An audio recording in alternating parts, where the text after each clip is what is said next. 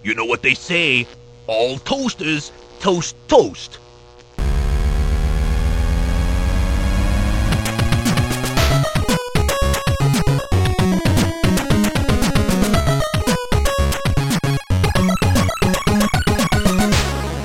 Welkom bij Buttonbashers Off Topic. Een, eh, ja, iets nieuws, maar eigenlijk niet iets dat we vaker willen doen. Eh, en ja, daar is een reden voor, want het is een extra uitzending. En ja, zoals ik al zei, een beetje een hele vreemde, of niet Niels? Zeker. Ja, want eh, eh, beste luisteraars, eh, wij zijn vandaag met z'n tweeën. Niels en ik moeten het samen doen. We hadden eigenlijk gepland dat we gewoon, zoals altijd, met z'n drieën zouden zijn, met Steve erbij. Maar ja, de omstandigheden, ja, kon hij het niet, kon hij het niet redden, Niels. Dus ja, hier zitten we dan. Ja, maar ik heb een oplossing, Mike. En dat is, Ik heb namelijk een keer een poppetje meegenomen van Kansai Airport in Japan, ja. bij Osaka. En dan kun je in knijpen en dan gaat hij heel lang praten. Oh, echt waar, ja. Maar zegt hij dan iets waar we ook wat aan hebben? Nee, dat niet, maar dat vult wel mooi op. Oké, nou ja, dan hebben we in ieder geval een derde, een derde stem. Ja. Nou ja, dit had eigenlijk een aflevering geweest die we over eh, lightguns en on-rail shooters en dat soort dingen zouden houden. Maar goed, ehm, ja, dat, dat, ja, dat houden jullie van ons te goed, eh, luisteraars. Dat is, eh, ja, dat kunnen we nu niet gaan doen. Maar we hebben wel besloten, Niels, dat we in ieder geval een game talk gingen doen. Dus daar ben ik wel benieuwd naar. Want ik ben stiekem toch wel benieuwd wat jij daarin gaat noemen. Mhm. En eh, ja, voor het hoofdonderwerp hebben we eigenlijk een, geen onderwerp. Of zoiets. Een Ja. soort off-topic iets. Om toch een beetje die leegte te vullen. Onderwerpen uit het leven gegrepen, zullen we maar zeggen. Ja, precies. Zo, zoiets inderdaad. Zoiets inderdaad. Maar goed, eh, ja, zoals gezegd. eh, ondanks dat Steven niet is, hebben we wel gewoon een game talk. En traditiegetrouw gaan we daarmee beginnen.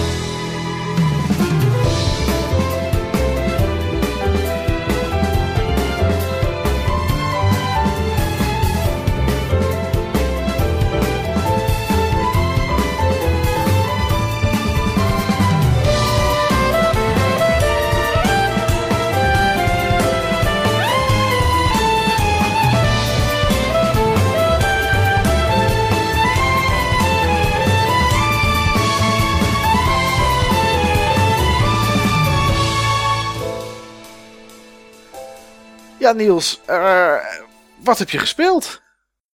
Nou, ik heb een game gespeeld toen ik in Zuid-Korea was tijdens mijn vakantie in april en mei. Oké. Dat is alweer een tijdje geleden. Maar ik merkte dat ik het er toch een keer over wilde hebben, want ik heb hem weer opgepakt sinds een paar dagen. En dat is Labyrinth of Refrain, Coven of Dusk. Oké, dat klinkt als een eh Huppel de Pup, Huppel de Pup 4. Ik weet niet meer. Wat, wat jij toen aan het spelen was, van die, van die dungeon crawlers waarbij je moest tekenen. Heel goed, het is een dungeon crawler, maar je hoeft niet te tekenen in dit deel. Oké, Nee, dit deel is origineel verschenen op de Vita. Eh, volgens mij alleen in Japan. En is, ik dacht, twee jaar geleden gelokaliseerd voor PlayStation 4 en voor Switch.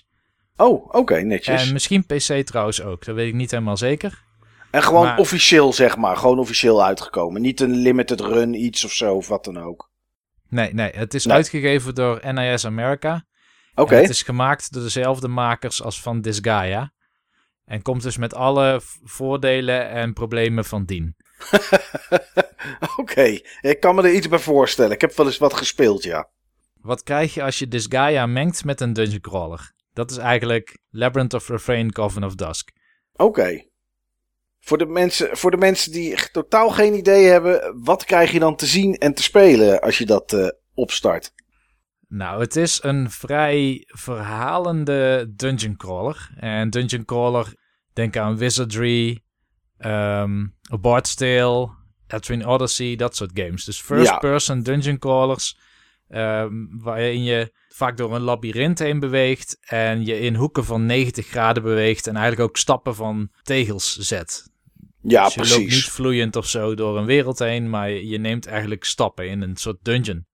En bij Etrian Odyssey moest je zelf altijd een kaart gaan tekenen. Dat is ook de charme van die serie. Je had daar een touchscreen en daar kun je dan muren in tekenen. Je hebt allerlei icoontjes die je erin kan slepen, zodat je ook aan kan geven. Hier is een schatkist of hier kun je een bepaalde mineral minen of zo. Of hier loopt een heel gevaarlijk wezen.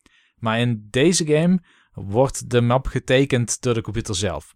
Oké, oh, Dus dat is wel makkelijk. Ja, dat is makkelijk. Dus elk vakje waar je bent geweest, dat wordt automatisch opgevuld. En volgens mij ook iets eromheen, een kleine straal. Maar um, het is wel een hele andere game dan Etrian Odyssey qua opzet. In ieder geval qua structuur vooral. Want Etrian Odyssey is veel technischer op een bepaalde manier.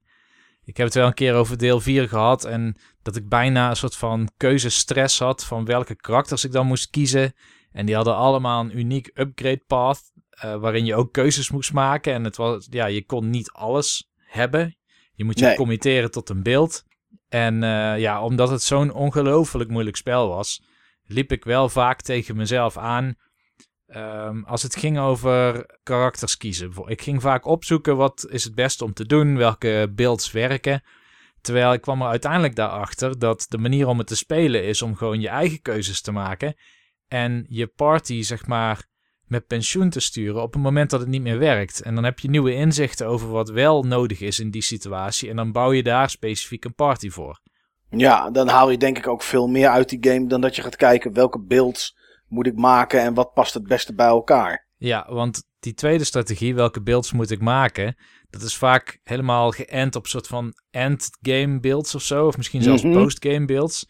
Maar dat zijn builds van classes die je of nog niet hebt, of waar je ontzettend hard voor moet gaan grinden, omdat ze in het begin van het spel nog super underpowered zijn. Ja, precies. Ik snap het. Ja. En uiteindelijk doe je dan misschien net zo lang over als dat je gewoon eerst met een party was begonnen die early game goed werkt. En dan gewoon switcht naar een andere party die mid-game werkt. En dan weer uiteindelijk kijkt van wat heb ik nu weer nodig om deze laatste eindbaas te overwinnen. Of, of uh, ja, dungeons door te komen. Uh, bij dit spel is dat anders. Uh, je bouwt nog steeds je eigen party. Je hebt nog steeds class members. Uh, je bouwt een party van tot 15 karakters, geloof ik. Oké, okay, zo. Dat is, dat is wel groot. Ja, dat is heel groot. Um, je hebt volgens mij acht verschillende classes of zo. En je bouwt daarin karakters, zijn eigenlijk poppen. Ik zal zo uitleggen hoe dat precies werkt. Het zijn dus geen mensen of zo. Maar het zijn uh, marionetten. Dat is denk ik de beste aanduiding. Ja. En die vallen in classes als, um, ja, ik noem het even generiek magic user. En je hebt iemand met een bel. Uh, je hebt uh, tanks. En je hebt meer van die glass cannons bijvoorbeeld. Uh, je zal wel iets, wel... iets healers hebben, denk ik, achtig. Of valt dat weer onder magic dan? Ja, dat valt eigenlijk onder het Coven systeem. Oké. Okay. Misschien moet ik dat meteen maar uitleggen. Je bestuurt hier niet de individuele units. Je bestuurt covens. En covens zijn zeg maar een soort van mini-parties in jouw grote party. Ah, oké. Okay. Dus die 15, 15 personages was het hè, die je mee ja. kon nemen. Ja. Die deel je dan weer op in covens. Ja, precies. Dus ik heb volgens mij een stuk of vier of vijf covens. Vijf covens heb ik. En elk van die covens heeft twee of drie party members op het moment. Ja. Um, en die coven, die bepaalt welke skills je hebt. Niet de party members zelf. Die bepalen welke stats je hebt. Ah, oké, okay, ik snap het. Ja. En zo kan bijvoorbeeld een coven die heel erg uh, op magie gebouwd is, die is meer gebaat bij karakters die je daaraan toevoegt, die veel, ja, ze noemen dat uh, DP, dat is zeg maar de, de magic points van deze game. Ja. Die dat veel hebben en die veel resistances hebben, zeg maar, voor uh, allerlei status effects. Dus dat soort karakters zou je in zo'n clan doen. En je doet karakters die veel strength hebben, die zou je veel eerder bijvoorbeeld in een uh, melee coven stoppen. Ja, ja, ja. Zijn, die, zijn de typen van die covens voor jou bepaald? Van Nee, tevoren? Nee, Oké. nee. Je hebt er een paar in het begin en je unlockt voortdurend nieuwe coffins gedurende het spel. Oké, maar die coffins hebben wel, zeg maar, dan een. eh, die zijn, hebben wel een type. Zeg Ja. maar. Dus Ja, je hebt een ja, melee coven. En eh, of je er iets in stopt of niet, dat blijft een melee coven. Dat blijft, ja, die zijn Oh, oké. statisch. Ja. Die level je ook. Dus die hebben ook een level naast jouw karakters. Het is natuurlijk wel een Disgaea-achtige game. Dus je kan alles tot in de treuren levelen en grinden. Maar ehm, ja, die hebben skills. Bijvoorbeeld, eh, noem maar wat, een coven die heal 1 heeft. Dat is een zwakke heal skill. Die op één, één coven werkt. Dus je, nee, één unit zelfs volgens mij binnen een coven. Dat kan ook een heal 2 worden. Ah, oké. Ja, ik snap het. En als je die unit die in die coven zat naar een andere coven plaatst, dan krijgt die unit min of meer zeg maar, toegang tot de skills uit die nieuwe coven. En die raakt hij uit die oude ja, weer ja, kwijt. ja. Oké, ik snap het. Ja, duidelijk. Dus het is een hele andere manier van zo'n spel aansturen. Je, je hoeft in een battle ook niet voor elke unit te zeggen wat hij moet doen. Je geeft per coven aan, deze coven die attackt. Deze Ja. coven die protect. Deze coven die eh, voert deze debuff uit op de vijand. En eh, als je een coven op attack zet, zullen wel alle units in die coven individueel attacken. Dus je hebt er meer aan om er veel units in te hebben dan weinig. Maar een unit die een, of een coven die een status effect doet of zo op, het- op jouw team of op de vijand, dan doen al die units hetzelfde. Oké. Maar wat is nou het aantrekkelijke aan deze en waarom is deze de moeite waard? Ik denk dat, dat dat iets is wat mensen zich af zullen vragen. Ja, ik ook wel. Want ik, ja, ik heb, zo, ja, heb ik zoiets ooit gespeeld? Nou ja, niet echt zoals het er nu uitziet. Eh, maar ja, ja, nee, vertel je. Ja, ik heb straks nog wel. eh, Ik ben benieuwd hoe dat aan elkaar zit, dan zeg maar, die dungeons. Maar ja, goed. eh, Barst los. Vertel maar iets. ik weet het niet. Ja. Nou, wat deze game onderscheidt van andere first-person dungeon crawlers, is vooral dat het vrij eh, narratief gebracht wordt. Dus er zit wel een vrij sprookjesachtig verhaal aan, zal ik het maar even noemen. Mhm. Jij speelt daarin niet één karakter, jij speelt daarin een boek. Oh, oké. Dus jij bent een boek in dit spel. Het Tractatus de Monstrum, eh, dat is een boek die ooit gestolen is door een heks van Baba Yaga. Dat is een soort van opperheks. Dus eh, Oké. het spel speelt zich af in het dorpje Refrain. En Refrain, dat is echt een heel klein sprookjesachtig dorpje met daar in het midden een soort van magische put. En die put heeft de legende dat er nog nooit... Ja, er is, er is één iemand ooit levend uitgekomen. En die heeft dat Tractatus de Monstrum boek geschreven. En daardoor heeft het dorp ook wel een aantrekkingskracht op mensen. Omdat als ze het geheim van het dorp en van die put kunnen ontdekken... dan kunnen ze alles krijgen wat ze willen. Hmm. Maar jij bent, eh, of jij bent het niet, jij bent natuurlijk de boek. Ja. Maar in de setting van het verhaal reist dus de heks die dat boek heeft gestolen samen met een soort hulpje naar dat dorp toe. En ze vestigen daar een soort poppentheater. Dat is eigenlijk een scheme, want eigenlijk komen ze die put onderzoeken. Maar dat mag het dorp niet, wezen, niet weten. Dus ze maken een soort van poppentheater. Dus doen elke avond voorstellingen. En wanneer de voorstelling is afgelopen, dan, eh, dan, dan stoppen ze zielen zeg maar, in een aantal van die poppen. Dat zijn de karakters die je hebt gemaakt aan het begin van het spel. Ja. En die worden dan in die put gegooid. En in die put zitten allerlei dimensies met mazes. Jeetje, het- is best wel een beetje duister. eh. Het is heel duister. Eh, dat is denk ik ook waarom de age rating vrij hoog is. Ja. Gore is ook daadwerkelijk een mechanic in de game. Een mechanic ook. Ja, Oké. ja. Ja, gore is het gegeven waarin je bijvoorbeeld iemands arm eraf rukt. Of been of hoofd. En dit zijn dan poppen, weet je wel. Maar Ja. ze zijn wel... Op het moment dat je het speelt, heb je dat vaak niet meer door. Omdat ze heel erg karakterachtig zijn. En ze praten voortdurend en zo. Ja, er zitten natuurlijk zielen in, dus het is toch een beetje vermenselijkt. Ja, precies. Ze zijn zeker vermenselijkt. Eh, maar gore is een mechanic dat... Het is zeg maar een soort van crit attack. Ja, oké. Het, het kan je overkomen en je, het kan ook de vijand overkomen. Dus het kan zijn dat jij bij de vijand er een arm afslaat, waardoor die een bepaalde skill niet meer kan doen waar die arm voor nodig is. Maar het kan ook zijn dat dat bij jou gebeurt. Dat is eigenlijk best wel een toffe mechanic. Dat dacht ik ook, maar Oh. toch vind ik het niet fijn. Waarom en dat niet? komt omdat het is vaker in je nadeel dan je voordeel. Oh ja. Het, het lijkt alsof het in evenwicht is. Maar wat, wat het hem is, is... Je houdt in je strategie rekening met dat dingen fout kunnen gaan. Je maakt geen strategie op de kans dat je een gore attack doet tegen een vijand. Nee, oké. Als, het, als het gebeurt is het een leuke plus, maar je, je kan er niet echt op rekenen. Je kan er niet op rekenen inderdaad. Maar het kan je wel overkomen op de ergst mogelijke manier. Dus Hmm. uiteindelijk werkt het vaker in je nadeel dan in je voordeel. Ja, snap ik wel. Op, Nou, op wat heb je eraan ja. als je een of andere vleermuis van 10 HP of zo met een critical gore attack van 10.000 afslaat? Ja, dat niks. kan dus ook. Nee, precies. Ja, ja, snap ik. Oké, ja, nee, dan eh, ben ik gelijk genezen van de gore mechanic inderdaad. Ja. Maar het is wel ook weer een geinige soort humor, hè? Want je hebt bijvoorbeeld ehm, het eerste level is een soort van riool. Vrij standaard dungeon in een riool. ehm, met wat, wat giftige omgevingen en zo erin. Maar het tweede, de tweede, ja, hoe zal ik het zeggen, realm zal ik hem even noemen. Want zijn mini-universa, zijn ook heel erg verschillend. Ja, Dat is eigenlijk een, ja, het is een soort gnome-wereld. oké. Wat is een gnome? Een dwerg, toch? Ja, dat is een dwerg, ja. Ja, dus daar heb je allemaal kleine dwergen. En eh, die, die zien eruit als, eh, als Britten. Zeg maar, als van die, van die Britten mannetjes die dan met zo'n sponsen muts ergens Oh ja, ja, ja, met zo'n grote zwarte hoed. ja, de wacht staan te houden. Ja, Dat soort gnomes zijn het. bobbies of zoiets. Bobby's inderdaad, ja. En die, ja, die hebben ook daar een leger en hebben ze allemaal kanonnen en dingen. Maar die, die zien er heel grappig en schattig uit. Maar die gaan wel op gruwelijke wijze kapot. Oké. En er zijn wel wat meer gnomes in het verhaal. En die gaan met een soort van rood, ka- rood kapje mee door al die realms. En die kom je vaker tegen. Dat is een soort NPC die, eh, waarvan je niet weet of die nou goed is of slecht. Maar die loopt steeds voor je uit. Maar één ding is wel duidelijk. Die heeft het niet zo op gnomes. Maar die gnomes die hebben het wel op haar.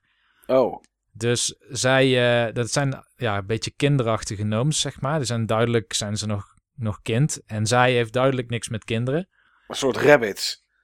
Ja, zoiets.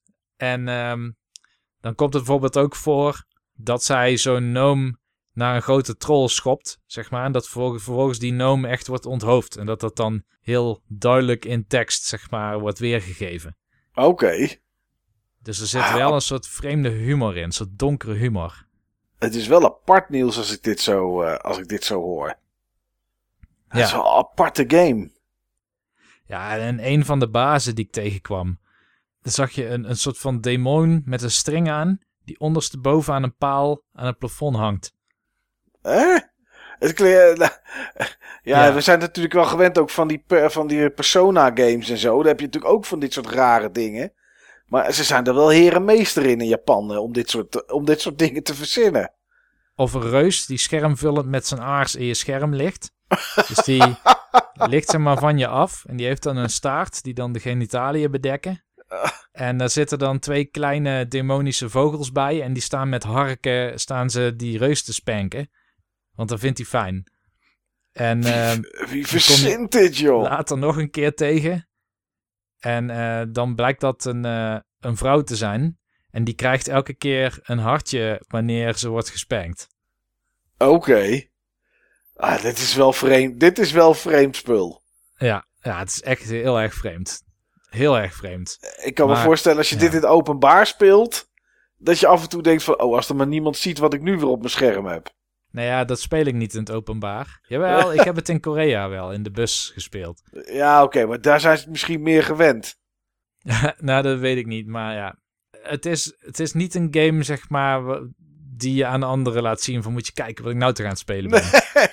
zit toch een of andere schaamte. Iets zit daar dan toch bij. Ja, maar het is op een bepaalde manier ook wel weer heel, heel bewust gedaan. Het is, het is niet zo'n ehm, zo'n zo'n fanservice game die Ja. voor een hele niche markt bedoeld is. Nee, precies. Waar het eigenlijk alleen maar draait om eventueel eh, seksueel getinte beelden en dat soort dingen. Ja, Ja, dat is dit niet. Dat is dit niet. ja, ja, ja. Oké. Nog één keer, Niels. De naam van deze game? Labyrinth of Refrain. Coven of Dusk. Oké. En volgend jaar komt er als het goed is een nieuw deel in de serie uit. Hij is bevestigd voor PlayStation 4, maar waarschijnlijk wanneer die vertaald wordt, dan komt er ook een Switch-versie van. Ja, dat zal wel. En ja, die denk ik dat ik ook wel weer ga spelen. Want er zit toch wel genoeg diepgang in. Het exploren is leuk. Het gaat allemaal wat sneller, zeg maar, dan Etrian Odyssey. Bij Etrian Odyssey, dat, dat moet je meer als een soort van roguelike zien. Dan kun je de dungeon in, maar je gaat zo snel af dat je vaak heel weinig risico neemt. En vaak het zekere voor het onzekere om wat te farmen. En dan ga je meteen weer terug naar het dorp. En hier kun je soms toch weer een half uur rondlopen in een dungeon. En eh, je hebt ook soms de mogelijkheid, of eigenlijk bijna altijd de mogelijkheid, om muren kapot te maken. Waardoor je zeg maar een, een soort van shortcut zelf kan aanleggen. Oh, oké, op die manier. Ja, ja, ja, oké. Ik snap het. Muurtje, muurtje kapot, zodat je niet helemaal om hoeft te lopen of wat dan ook. Dat je gewoon die kant op kan. Ja, ja. En ehm, ik zit er nu 60 uur in. Zo. Dus het is best een lange game ook. En Ja. Ik ben bij de laatste eindbaas. Maar die krijg ik niet kapot. Oké. En nu is dan de vraag, wat moet ik doen? Ja, moet je dan je strategie aanpassen of moet je gaan, kan je nog gaan grinden, zeg maar, om sterker te worden? Jazeker, het is een Disgaea-achtige game. Ja, oké. Nee, Wat ja, dat had je gezegd. En ja. dat is denk ik de bedoeling, maar dat is de strategie die ik weiger. Is ehm, je kan je, je karakters resetten naar level 1. Ze zijn nu tussen de 90 en de 100, of 90 en de 99. ja. Maar je kan ze resetten naar level 1. Dan verliezen ze alle stats en dingen. Maar hun growth rate is gegroeid. Maar niet heel veel, weet je wel. Als jij, ik geloof, vijf keer of zo alles opnieuw grind naar level 99 ja. heb je drie keer hogere waardes dan dat je zou hebben als je één keer naar level 99 was gegaan. Een soort prestige mode, zeg maar. Ja, net bij Call of Duty. Maar daar is het meer een Daar is- embleempje. Ja, daar is meer een, eh, inderdaad, daar is het meer iets visueels. Maar je kan dus zeggen, oké, destroy al mijn levels. Maar dan zijn dit de perks of de plusjes die ik krijg. Ja. En Ja, het zijn maar hele minimale plusjes. Dus dan moet je een keer of vier doen. En dan ben je echt sterk. maar als je dat vier keer wil doen, dan moet je echt gaan grinden. Of had jij het al 30 uur geleden een keer kunnen doen? Nee, dan moet ik gaan grinden. Oeh. Ik had 30 uur geleden nog niet zoveel kunnen doen. Want de echte krachtige covens heb ik ook pas net in de laatste 10 uur of zo bemachtigd. Ja, precies. Dus dan moet je nu eigenlijk zeggen: gooi alles maar weg. En dan eh, weer, eh, weer opnieuw beginnen. En eh, ja, dat is.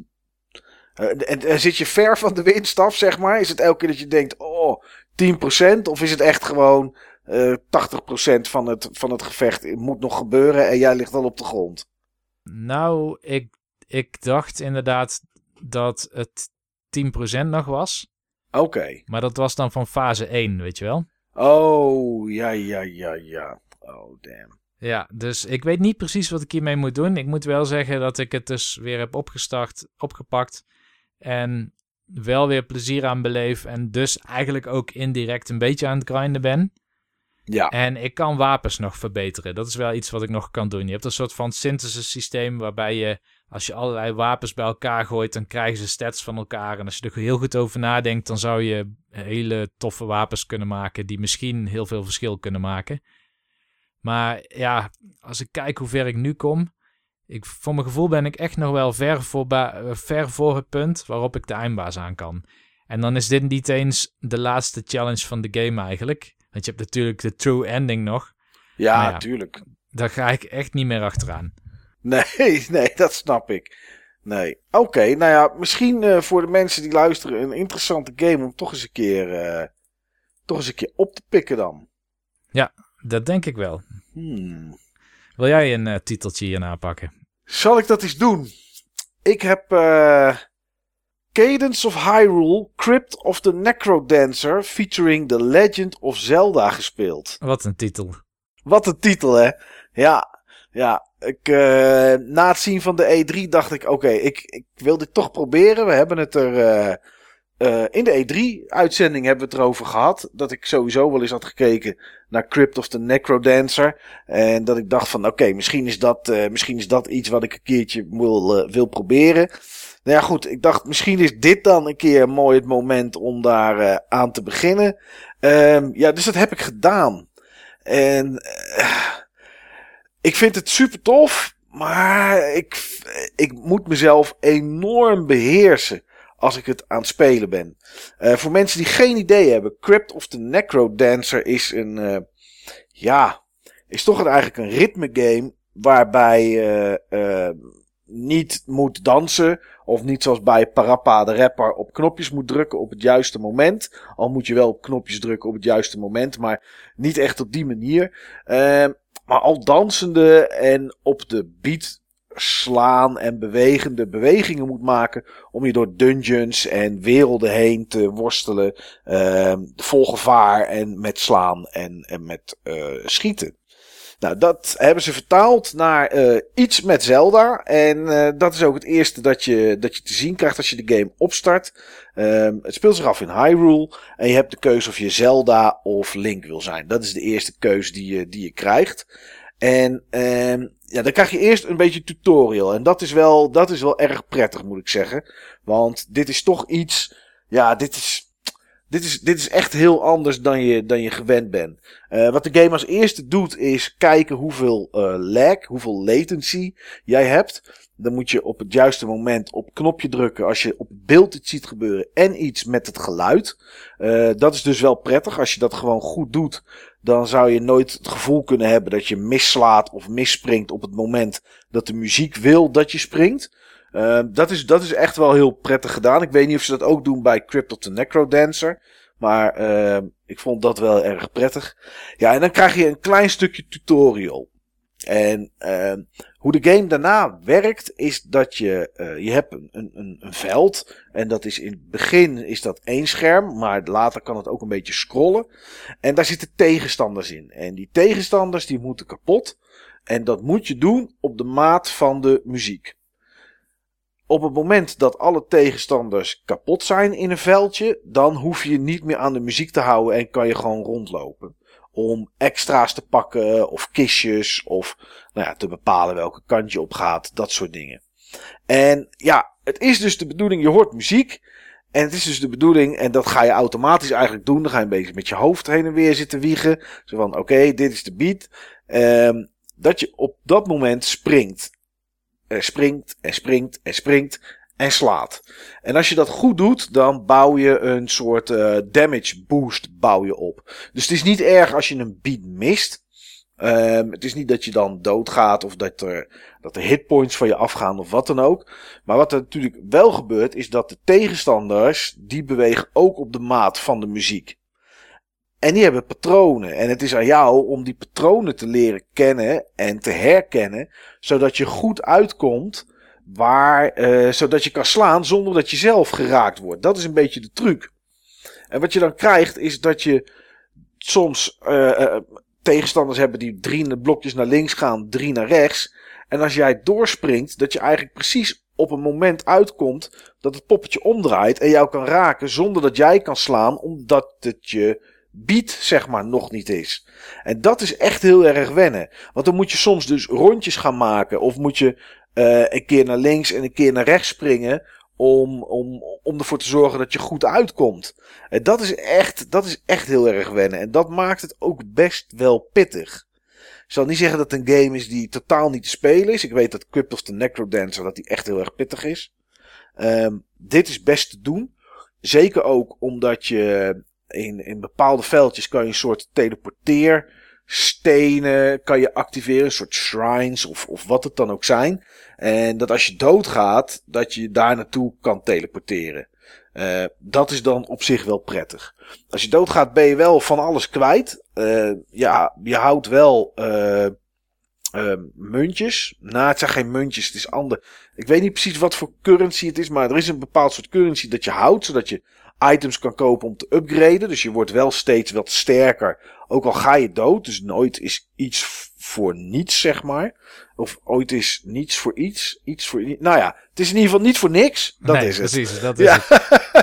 het is in ieder geval niet voor niks dat je gespeeld hebt. Het is niet zo dat je alles kwijt bent. En dat je denkt van ja, ik heb gewoon nul progressie gemaakt. Maar het is echt heel erg wennen. Um, wat wel heel erg tof is, is die wereld natuurlijk. Het is een wereld die we allemaal wel een beetje kennen. En je ziet echt uit alle games zie je personages voorbij komen, tegenstanders, settings, uh, dat soort dingen. En ja, goed, als, als je al iets gekeken hebt op internet, heb je vast ergens een merchant gezien die enorm opera staat te zingen in de stijl van, uh, nou ja, in, in de muziek van, van Legend of Zelda. Ja, dat is echt heel erg gaaf. Uh, de muziek zelf is sowieso heel erg tof. Het is de iconische deuntjes die je kent uit de games. Uh, elk gebied heeft wel weer zijn eigen muziek, zijn eigen trucjes. Uh, ja, dat is. Het is echt wel tof. Het is echt wel tof als, als dit een klein beetje in je straatje ligt. Dan is dit zeker wel iets wat je, wat je, wat je zou kunnen, uh, misschien moeten proberen. Alleen je moet er gewoon rekening mee houden dat het niet. Ja, het is niet rondrennen. Het is geen uh, uh, Legend of Zelda, de eerste. Dat lijkt natuurlijk op zich qua idee een beetje op. Dat je loopt en dat je slaat en, en, en dat een beetje schuin ziet. Maar uh, ja, dat is, het, het is echt wel pittig. En het is, je moet zoveel rekening houden met die, met die muziek, met die beats. Uh, puur om, ja, om in het ritme van de game mee te gaan. En om ervoor te zorgen dat je, um, ja, dat, je, dat je die boost opbouwt. Want anders dan zijn tegenstanders gewoon veel te sterk. Je hebt schildje om, uh, om, om items te blokken. Uh, dus dat lukt. Dat, dat is geen probleem. Uh, ja, je kan hartjes, je kan jezelf upgraden. Er zitten uiteraard. Kan je, kan je rupees oppakken om, uh, om items te kopen. Maar er zitten ook uh, bijvoorbeeld steentjes op de grond. Waar je, waar je op kan gaan staan of waar je iets naartoe kan rollen. En dat het dan op de maat van de muziek automatisch een kant op rolt. Uh, je hebt uiteraard de bekende bommen die je kent uit Zelda of, of, of de pijlenboog. Dat soort dingen zitten er, zitten er allemaal in. En uh, ja, en dan moet je dus proberen om uh, door, die, door die wereld heen te komen. En dat is een beetje, dat is een beetje, ja, Crypt of the Necrodancer featuring The Legend of Zelda. Ja, en waar ik nog benieuwd naar was, hè, omdat het zo'n unieke combinatie is met ritme en roguelike. Ja. Um, voelt het soms als een uh, muziek-ritmespel? Ja, als je het goed wil spelen, wel. Want uh, um, die, die muziek, die, die beat, zeg maar, die is toch wel van belang. Ja. Het, het is, het, als je dat niet doet en je gaat gewoon plop, plop, plop, plop, plop, blijf je maar springen. Kijk, dat, dat, dat doe je wel op het moment dat je, um, um, dat, je dat, dat de tegenstanders in dat veldje dood zijn. Dat die allemaal verslagen zijn. Want dan kan je kijken voor, uh, voor extra's en dat soort, dat soort dingen. Maar voor de rest, ja, je moet het eigenlijk wel doen op de maat van de muziek. En je ziet onderin zie je een balkje. Uh, dan zie je een stukje van de Triforce, gewoon één driehoekje. En dat is het moment waarop je moet drukken. Maar daar, daar let je op een gegeven moment niet meer op. Dat kan ook niet. Uh, je moet het echt doen op gehoor. Dus ja, als je het moet doen op gehoor, is het toch echt wel een ritme game. Dus ja, dat, het, dat is wel iets wat je moet liggen, zeg maar. En, als je um, gewoon... Maakt het ook gebruik van HD Rumble? Uh, dat weet ik eigenlijk niet, want ik heb met de Pro-controller gespeeld. Ja, maar die heeft dat ook, alleen niet ja, zo gedefinieerd als nee, de Joy-Con. Nee, precies. Dat, dat is... Ik weet eigenlijk niet eens meer of er Rumble in zit. Ah. Het, is, het is niet zo dat je springt op het moment dat, dat er Rumble is, dat dat je beat is. Dat nee, is het nee. niet. Je moet het wel zelf echt horen, zeg maar. Of, of, of ja, dat, dat, dat wel. Uh, wat wel gaaf is, is dat um, uh, de game heeft geen vaste layout. Dus als je, um, als je stopt of als je, um, als je kun je opnieuw zou willen beginnen of wat dan ook, dan worden de, de maps worden random gegenereerd. Dus dat is wel, uh, dat is wel gaaf. Uh, locaties zijn verschillend. Uh, strand, bos, ijs, uh, echte dungeons. Dat zit er echt allemaal in. Dus het is wel, wat dat betreft is het wel echt Zelda. Ja. Boss battles zitten er ook in. Ja, en dan, ja, dan moet je toch echt wel die patronen, die patronen gaan leren kennen, zeg maar. Ja, en dat maakt het wel gaaf. Maar het, het is niet makkelijk. Het is niet makkelijk. Nee. Ben je ver gekomen? Nou, voor mijn gevoel niet. Uh, ik heb misschien een derde van de map heb ik geopend of zo. Dat is uh, ongeveer waar ik geweest ben. Eh, ben wel één of twee bosses tegengekomen. Maar goed, we weten, we kennen Legend of Zelda natuurlijk. Eh, alles wat je boven de grond ziet, is er 9 van de 10 keer onder de grond ook. Of nog meer. Ehm, dus ik heb geen idee. Ik weet wel, hij telt je aantal stappen. Eh, ik weet, weet wel dat er al speedruns zijn waarbij ze binnen 15 of 16.000 stappen. Nee, 15 of 1600 stappen volgens mij uitgespeeld hebben. Dus uh, dat is misschien wel leuk om ooit eens een keer te bekijken. Maar ik denk toch, ja, dat ik een keertje weer. Het is een tijdje geleden dat ik het gespeeld heb. In ieder geval toen het net uit was. Ik denk toch dat ik eh, binnenkort misschien eens een keer uh, opnieuw ga beginnen. Om gewoon weer eventjes het in de vingers te krijgen. Maar ik heb er zelf dus wel een beetje moeite mee. Het is niet. Ik vind het niet moeilijk om precies iets op de maat te doen. Maar als je dan een tegenstander ziet die vlakbij is, dan wil je eigenlijk toch rammen. Dat is toch, ja, weet je, dat is toch wat we gewend zijn. En dan is het soms toch beter om misschien even omhoog te springen en naar beneden. Uh, om te zorgen dat je zo uitkomt dat je hem in zijn rug kan slaan. En dat hij dus, of hij of zij, uh, als tegenstander zijnde niet iets terug kan doen, zeg maar. Maar dat is, dat is echt wel wennen. Dat is, uh, het is lastig, maar ja, als de enige vorm zit van interesse in Crypt of the Necrodancer, dan denk ik dat dit wel een mooie, een mooie leuke instap is. Zeker vanwege de hele sfeer, setting en dat soort dingen allemaal. Ja, dan is uh, Cadence of Hyrule wel een hele leuke titel. Um, ja, jij hebt vast nog wel iets anders gespeeld, Niels. Ja, nu je toch over Cadence of Hyrule begon. Ja. Uh, ik heb wel een game gespeeld die er een beetje op lijkt. Want ik ben wel dol op roguelikes geworden. Oké. Okay. Ik moet zeggen, ik ook wel. Dat komt denk ik door Dead Cells en Slay the Spire. Ja, ja.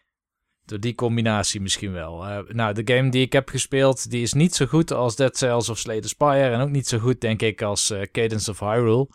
Het is Mana Clash. En dit is een game die was voor 3 euro in de aanbieding in de e-shop toen die uitkwam.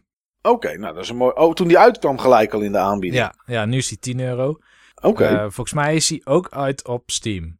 Maar um, uh, het is een niet hele bijzondere roguelike, maar ik vind hem toch wel leuk. En ik heb er toch al meer dan vijf uur in zitten. En dat zegt dus wel iets. Ja, precies. Maar je weet waar het inspiratie vandaan haalt. Nou, het is uniek denk ik in de zin van dat het een top-down roguelike is, gebaseerd op twin-stick shooter mechanics. Oké. Okay. Dus je speelt met twee sticks. Linkerstick loopt, rechterstick die mikt. En je bent een soort van archer. Je hebt wel meerdere karakters, maar alles is op uh, ranged combat gefocust. Oké. Okay. En je hebt een, ja, een beetje net zoals we kennen van Souls games. Uh, je hebt geen animation cancel, dus een attack is een commit naar die ja. attack. Dus als jij schiet, dan sta je uh, heel even stil op het moment dat je schiet. Want je kan niet mikken, geloof ik, terwijl je loopt, als ik het goed herinner.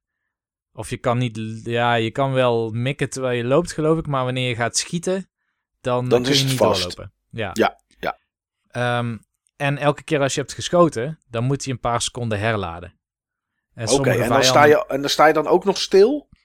Nee, dan kun je wel gaan lopen. Oké. Okay. Maar sommige vijanden die lopen dan gewoon op je af, die springen op je af, want die hebben allemaal een soort van aanvalspatroon. Dus je hebt gewoon kleine spinnetjes bijvoorbeeld, die, die lopen op je af, die zijn vrij voorspelbaar. Maar je hebt ook bepaalde varkens en die chargen. Dus je ziet wel met hun poot dat ze op je af willen gaan rennen. Dat ze stieren, weet je wel, die wel met zijn voorpoot dan in het, uh, in het, in het zand, zand, even gaat doen. Ja, precies. Ja. En uh, ja, dan moet je niet op dat moment zeg maar net aan het schieten zijn of aan het herladen zijn, want dan kun je waarschijnlijk niet meer weg. Hoewel je hebt ook een dodge en daar zou je dan nog wel mee wegkomen als je die heel goed timed. Maar je hebt ook karakters met een zwaard. En die, die springen ook in één keer op je af. En dan slaan ze. En dan moet je buiten range van de zwaard blijven. Je hebt karakters die kunnen schieten. Um, je hebt karakters die hebben meerdere attack patronen, zeg maar. Dus je, je ziet wel die invloeden van populaire games als Dead Cells en, en, en Souls games daarin terug. Ja. Maar dan top-down en um, twin-stick. En het ziet er heel simpel uit. Het ziet eruit alsof het uh, een poort is van een ZX Spectrum game. Maar dan waar ze de kleuren wat op mochten poetsen. dus het is heel low res. Ja, Maar het is juist ook wel charmant op een bepaalde manier. En eh, de eerste paar levels, dat zijn, ja, je hebt steeds een paar schermen, zeg maar. Het is Zelda 1. En eh, dan kun je eh, noord, zuid, oost, west kun je dan eruit bij bepaalde deuren. Maar soms moet je die deuren eerst open krijgen. En dat doe je dus door of heel die kamer te clearen, door alle vijanden te verslaan, of door een hendel over te halen. En meeste gebieden in het begin bestaan misschien uit vier of vijf van dit soort kaarten. En op een gegeven moment dan heb je er misschien wel tien of meer. Maar de eerste paar levels, de eerste paar niveaus van de dungeon, daar ben je zo doorheen. Dat kost je misschien een minuut of twee. Oké. En dan is het zaak om steeds de volgende staircase te vinden die je naar het volgende niveau brengt. Je begint in een bos en daarna heb je de Peculiar Room. En dat hebben ze duidelijk van Dead Cells uh, afgekeken. Ja. Want uh, dat is even een veilige kamer. Daar kun je je, ja, je currency die je oppakt. zijn ook een soort cells kun je inleveren. En dan raak je ze niet meer kwijt, zeg maar. Dan zijn ze gebufferd. Ja. Uh, je kan dan ook dingen kopen, bepaalde wapens. Maar dat zijn randomized wapens. Uh, dus dat, daarop moet je je strategie aanpassen. Op het moment dat je speelt. Uh, maar het zijn niet randomized wapens in de zin van Slay the Spire of Dead Cells die een hele nieuwe speelstijl met zich meenemen. Dus dat vind ik het mankement een beetje van deze game. Vaak is het, ja, je bent net iets sterker of je reload sneller of je hebt een extra hartje of zo, maar het is niet iets wat jou een hele nieuwe manier van spelen toedringt. Nee, het, het, blijft, het blijft hetzelfde soort, soort type wapen, zeg maar. Ja, ja. En er zitten ook wat eindbazen in. Uh, die zijn niet heel moeilijk. Je hebt soms ook, uh, je, hebt, je hebt sowieso een soort van passive attack uh, of dat is niet eens per, per, se een attack. Het kan een potion zijn. Maar ik heb nu bijvoorbeeld een turret. En die kun je ook upgraden met zeg maar, die cells. Maar dat doe je in, in, de, in het dorp waar je elke keer in begint. Als je af bent geweest. Ja. En dan kun je ook wisselen. Zeg maar, je kunt je passives kun je bijstellen. Als je het een keer hebt unlocked. Dan kun je gewoon instellen. Oké, dan wil ik de volgende run misschien toch één extra health. Maar iets trager schieten of zo. Of minder helft, maar twee keer zo snel schieten en misschien iets harder raken. Dat soort dingen kun je dan instellen. Maar um, ik had dus een turret en die turret die zorgt dan vaak om, eh, ervoor dat wat minions die hele domme patronen hebben en geen schild hebben, dat die sowieso al afgaan. Want die turret die blijft gewoon schieten op alles wat dichtbij komt. En dan kan ik me meer richten op de wat gevaarlijkere vijanden of de eindbaas zelf. Ja, precies. Oké. Maar het interessante is, um, en dat had ik niet eerder gezien, op het moment dat je de eindbaas hebt verslagen, ga je niet meteen door naar de volgende Peculiar Room. Je moet dan een heel level nog overleven. Oké. Je hebt vier hartjes of zo in het begin van het spel. Je begint eigenlijk met drie, maar ik heb unlocked dat je een vierde hebt. En dat is wel mijn passive die ik altijd activeer. En er zijn heel weinig kansen om hartjes terug te krijgen. Dus het is een best lastig spel. Ik wou net zeggen, dus als je ten nauwe nood aan de baas overleeft, dan heb je zomaar kans dat je tijdens het level nog kapot gaat. En dan moet je de baas sowieso ook weer opnieuw doen dus. Ja, ja. Maar toch, het heeft een best wel leuke core game, gameplay loop. Leuk genoeg dat ik er toch steeds naar terugkom. Ook al zie ik het niet als een game in het kaliber Slay the Spire, zoals we net al zeiden. Nee, oké. Nee, ik zag net, ik heb net even stiekem gezien hoe het eruit ziet, inderdaad. Ja, het is. Uh, ja, ik weet niet waar ik het mee zou uh, vergelijken. Maar uh, ja, het, het, is, het is vrij basis qua uiterlijk inderdaad. Een hele best wel grote pijlen die ook afschiet, zag ik. Ja. Uh, maar ik heb ook die turret gezien, een soort roze bolletje of zo. Zag ik. En die ging, uh, die ging dingetjes schieten. En ik zie, ik zag dat je traps neer kon leggen. Voor, ja, de een soort van berenklem. Beren, zeg maar. Ja, precies, die inderdaad. Ja. Dus dat, dat is wel ook, grappig. Maar dan kun je weer geen turret bij je hebben. Zeg maar. Dus dat soort keuzes moet je wel maken aan het begin van je playthrough of tijdens je playthrough. Mocht je in zo'n peculiar room de optie hebben om een berenklauw eh, of een berenklem te krijgen. Ja, oké. Okay. Hmm. Dus ja, een, een, redelijk vermakelijke game. En uh, wat het heel goed doet is, ik was een keer bij Awesome Space laatst en toen heb ik achter de Commodore 64 dit soort spellen zitten spelen. Van die, okay. van die, ja, van die, van die dungeon crawlers waarin je van scherm naar scherm gaat, dus die niet scrollen.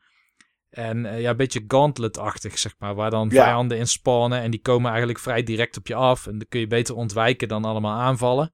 En zodoende dat ik deze game toen ook heb gekocht, omdat dat, dat grafische stijltje, dat appelleerde wel aan die retro feel van die oude Commodore 64 dungeon crawlers. Zeker, zo ziet het er inderdaad wel een beetje uit, ja. Ja, oké, lachen zeg. Nou ja, goed, voor 3 euro, hè, toen in ieder geval, Ja, ja. is dat, eh, is dat zeker geen miskoop eh, geweest. Ehm, ja, ik zit te twijfelen waar ik iets over moet vertellen. En misschien moet ik gewoon eventjes iets waar ik achter gekomen ben. ehm, door twee games even te noemen. Eh, Dat zijn Mortal Kombat 11 en Crash Team Racing. Die heb ik, beide heb ik eh, gekocht. Ik weet dat jij Crash Team Racing ook hebt, Niels. Mhm. Ehm, en ik vind het alle twee, eh, twee hele toffe games. Maar ik ben er wel achter gekomen dat dit denk ik de laatste games zijn die ik gekocht heb. Waarbij het principe bestaat uit even een potje. Als je begrijpt wat ik bedoel. Ja, ik begrijp wat je bedoelt, ja. Ja, ik heb Mortal Kombat 11 gekocht omdat ik vond het er zo tof uitzien. En, ehm, en dit is ook iets waar ik echt wel heel erg goed in zou willen zijn. Of in ieder geval middenmo middenmoot eh, of daarboven. En ik heb met plezier heb ik de story bijvoorbeeld uitgespeeld. Dat is echt. eh, de story zelf was niet heel best, vond ik. Eh anderen waren van een andere mening, eh, mening voorzien. Maar ja, goed. Ik, ik, ik weet, Mortal Kombat, het is natuurlijk allemaal fantasie. En dat is allemaal prima. Maar het, het, het gaat nou wel naar het hele extreme, zeg maar. In, in deel 11 met tijdreizen. En, en, ehm, en, en ja, tijdslijnen opnieuw laten beginnen. En eh, nou, dat soort dingen allemaal. Dus ik vond het allemaal wel een beetje heel erg ver gezocht. Maar goed, ze moeten iets. Want er zijn natuurlijk genoeg games hiervoor. Waar ook al een verhaal in zat. Het moet natuurlijk altijd mooier, groter, beter en extremer. Maar goed, dat heb ik met plezier gespeeld. En ik heb met plezier wel wat tutorials gespeeld. En de crypt zit er weer, zit er weer in. Waar je muntjes die je tijdens het spelen verdient hebt eh, uit kan geven aan eh, nieuwe fatalities. Of soms gewoon aan, aan onzin zoals eh, concept art. Niet dat concept art in het algemeen onzin is. Maar ja, je hebt toch liever een fatality. Of, of, of, een, of, of een ander setje moves. Of weet ik veel wat. Alleen, ik kan dit soort games, blijkt nu, niet langer spelen dan bijvoorbeeld een uurtje. Omdat ik, ja, nou oké, nog één potje. Oké, één potje, knokken, knokken, knokken. Oké, klaar. Ja, dan, dan ben ik er wel een beetje doorheen. En datzelfde heb ik met Crash Team Racing. Ondanks dat er een adventure mode in zit, die best wel leuk is. Eh, tenminste, leuk opgezet. Je hebt een, een gebiedje en daar heb je dan eh, vier, ehm, eh, vier levels die eraan zitten. Nou ja, goed, die moet je dan eerste worden. En dan unlockt er weer een volgende of een deur naar het volgende gebied.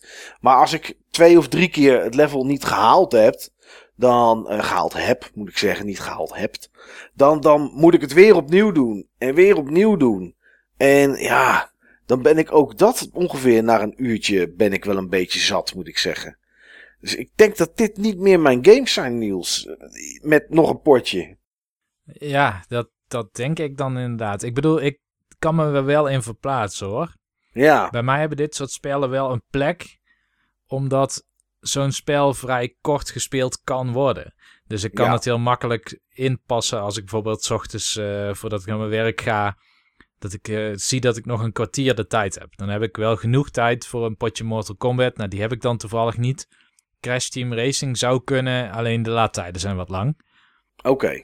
Maar eh, ja, Slay the Spire is een goed voorbeeld ervan. Of Mana Clash zelfs, de, de waar ik het Ja. net over had. Dat zijn echt van die games die ik heel even snel kan doen, omdat ik nog wat tijd heb. Ja, nou ja, Slay the Spire bijvoorbeeld, dat, dat, dat vind ik dan wel leuk om te spelen. Ehm, en dat kan ik ook best een potje doen van een uur of iets langer eh, doodgaan en dan weer opnieuw beginnen.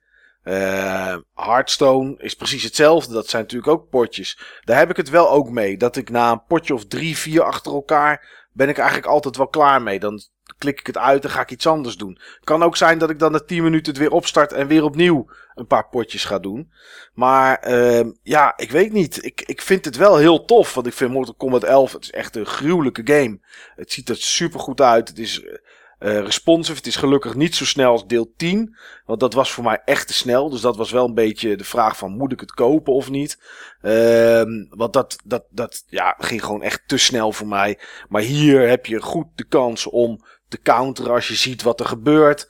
Uh, personages zijn super gaaf. Ik ben wel bezig geweest met wat combo's te leren, zeg maar. Zodat ik online een beetje, uh, een beetje tegenstand kan bieden. Maar toch, ja, als ik dit dan afzet tegen iets als The Witcher 3 of zo qua... Het is natuurlijk een heel ander soort game. Maar gewoon omdat je dan een verhaal speelt en, en dat er dingen gebeuren. Uh, ja, dan is dit. Ja, ik weet het niet. Dit is het toch dan niet meer voor mij, zeg maar. Nee, en jij bent natuurlijk de 80% gamer. Maar als je 80% van The Witcher 3 speelt, heb je nog steeds 80 uur Witcher 3 gespeeld, hè? Precies, ja. Ja, ja en hier zeg maar, ja, ik. Uh, ja, ik weet het niet. Ook Crash Team Racing. Weet je, ik vind dat wel leuk. Uh, en dat kan ik wel. Nou, een hele avond is overdreven. Maar dat kan ik wel een paar uur doen tegen mensen die je kent, zeg maar. En dat is, dat is wat jij natuurlijk met Mario Kart ook altijd had. Uh, ja. Dat je dat, weet je, als je dat met mensen gaat spelen offline. En je zit gewoon met drie of vier mensen. En je gaat dat gewoon uh, racen voor die cup en dat soort dingen. Ja, dan vind ik het super lachen. Dus hetzelfde als Mario Party op de Switch. Ja, super lachen omdat, uh, omdat tegen mensen te doen waarmee je op de bank zit. Maar ik zou het bijvoorbeeld niet in mijn eentje spelen. Nee. Ja, en dat heb ik hier dan toch ook een beetje mee, zeg maar. En dat, uh, ja. Dus het zijn geen miskopen. Ik ben blij dat ik ze in mijn, in mijn collectie heb. Het zijn alle twee echt wel goede games. Uh, al vind ik het van Crash Team Racing wel jammer dat je niet met z'n tweeën lokaal online kan spelen. Dat zou toch wel een, een mooie toevoeging zijn. Ja, nee, Want, klopt dat is toch wel, dat is toch wel leuk als je dan met, nou ja, goed, met Bianca of met een maat of zo, of wat dan ook op de bank zit. En die zegt, kom, we gaan even tegen mensen online. Dat is wel een beetje een gemis. Maar ja, ja, ja, ja, ja, het is toch niet, uh, nee, het, uh, het, het, is geen doem, zeg maar, waar ik, maar, waar ik met plezier me doorheen beuk. Ja, dat is toch, uh, maar goed, het zijn alle twee wel twee echt wel goede games. Dat is, dat is, dat is het ding niet. Nou ja, het is, het is misschien uh, op het moment even, nee, niet meer voor Ik heb hetzelfde met FIFA. Story vond ik altijd leuk. En dan speel je een paar potjes los. Ja, en dan heb je het eigenlijk wel gezien. Nou ja, goed. Ik denk ook niet dat ik dit jaar uh, FIFA ga kopen. Dus wat dat betreft zit dat dan wel, uh, zit dat dan wel goed. Ja, normaal zouden we nu zeggen: Steve, wat heb jij gespeeld? Maar ja, goed. Uh, zoals aan het begin. Hij is er uh, helaas niet bij, uh, deze uitzending. Dus ja, voor hier houdt de Game Talk op. En ja, we gaan naar het hoofdonderwerp. Wat dan geen hoofdonderwerp is. Moeten we het zo zeggen? Nou ja, het wordt in ieder geval iets nieuws. Ja, ja we zijn zelf ook, wel, ook misschien wel een beetje benieuwd ja. waar het heen gaat. Dit soort onderwerp kun je niet voorbereiden. Nee, dat is, uh, dat is zeker zo. Um, we nemen even een korte break en komen daarna terug met iets waarvan we zelf ook niet precies weten hoe dat in elkaar gaat steken.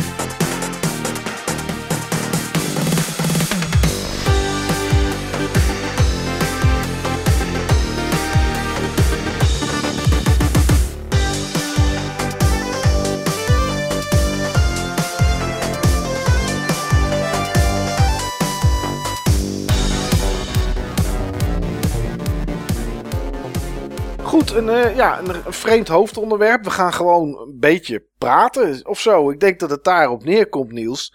Ehm, ja, de reden dat Steve er niet bij is, dat was, eh, nou ja, goed, omstandigheden. Eh, gelukkig niks ernstigs. Dus niet dat mensen in één keer denken dat er iets extreems aan de hand is. Eh, we hebben ook niet zoals Spice Girls ruzie gekregen of zo. En dat we niet meer met elkaar door één deur kunnen. Dat is allemaal niet, niet aan de hand.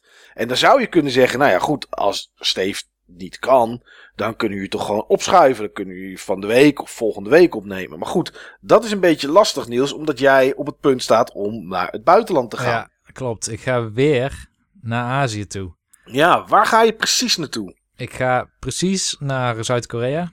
Oké, Eh, daar ben ik een maand of twee geleden ook geweest voor drie weken. Ik ga er nu weer drie weken heen. Ehm, ik ga er nu heen voor werk, maar ik neem twee nieuwe collega's mee. En die zijn eigenlijk nog nooit in Azië geweest. Dus toen zei ik, nou, we kunnen wel iets eerder daar naartoe gaan. Zodat we de tijd hebben om in ieder geval wat van het land te zien. ja. En eh, ja, toen heb ik volgens mij eh, niet helemaal opgelet op wanneer ik precies vertrok. En bleek ik weer drie weken in eh, Korea te zitten. Er Want zijn wel totaal, ergere dingen. ja, want in totaal ben je er voor werk. Hoeveel, hoeveel dagen ben je daar dan? Voor werk ben ik er precies een week. Oké, oké, oké. En wat, wat, wat, is, wat, wat ga je dit keer doen? Want het heeft eigenlijk sowieso, volgens mij, en dan correct me if I'm wrong, is er weinig in, in jouw leven, dat klinkt misschien een beetje lullig, of, eh, maar dat, zo is het niet, wat niet te maken heeft met games, toch? Nee, klopt. Alles heeft te maken met games. En daarom is het ook goed, hè? Ja, Nee, ik, ehm, ik organiseer een game jam in Zuid-Korea. Dat doe ik al sinds 2013. En een collega van mij was ermee begonnen. Eh, die is in 2012 ooit met een handelsmissie mee geweest. En in die handelsmissie zijn allerlei bedrijven en eh, universiteiten bezocht. En daar bleek al snel uit dat er een soort gedeelde ambitie was. En die was er wel met meer partijen dan alleen wij en die Zuid-Koreaanse partij. Maar eh, we hebben het als eerste opgepakt. En dat is een, ja, een project wat soort traditie is geworden. Heel interessant. Er ligt ook geen contract onder. We hebben geen memorandum of understanding.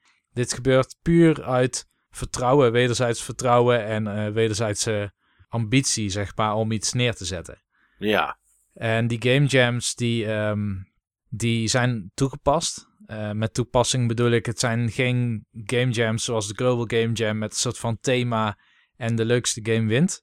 Maar het zijn game jams met een, soort toegepast doel erachter. En we hebben doelen in het verleden gehad, bijvoorbeeld eh, in de richting van vernieuwing van ouderenzorg, ehm, dementie. Hoe ga je om met dementie of hoe rem je dem- dementie? Er zijn eh, bepaalde denkpatronen, zal ik het even noemen, zeg maar, die een soort van remmende werking hebben.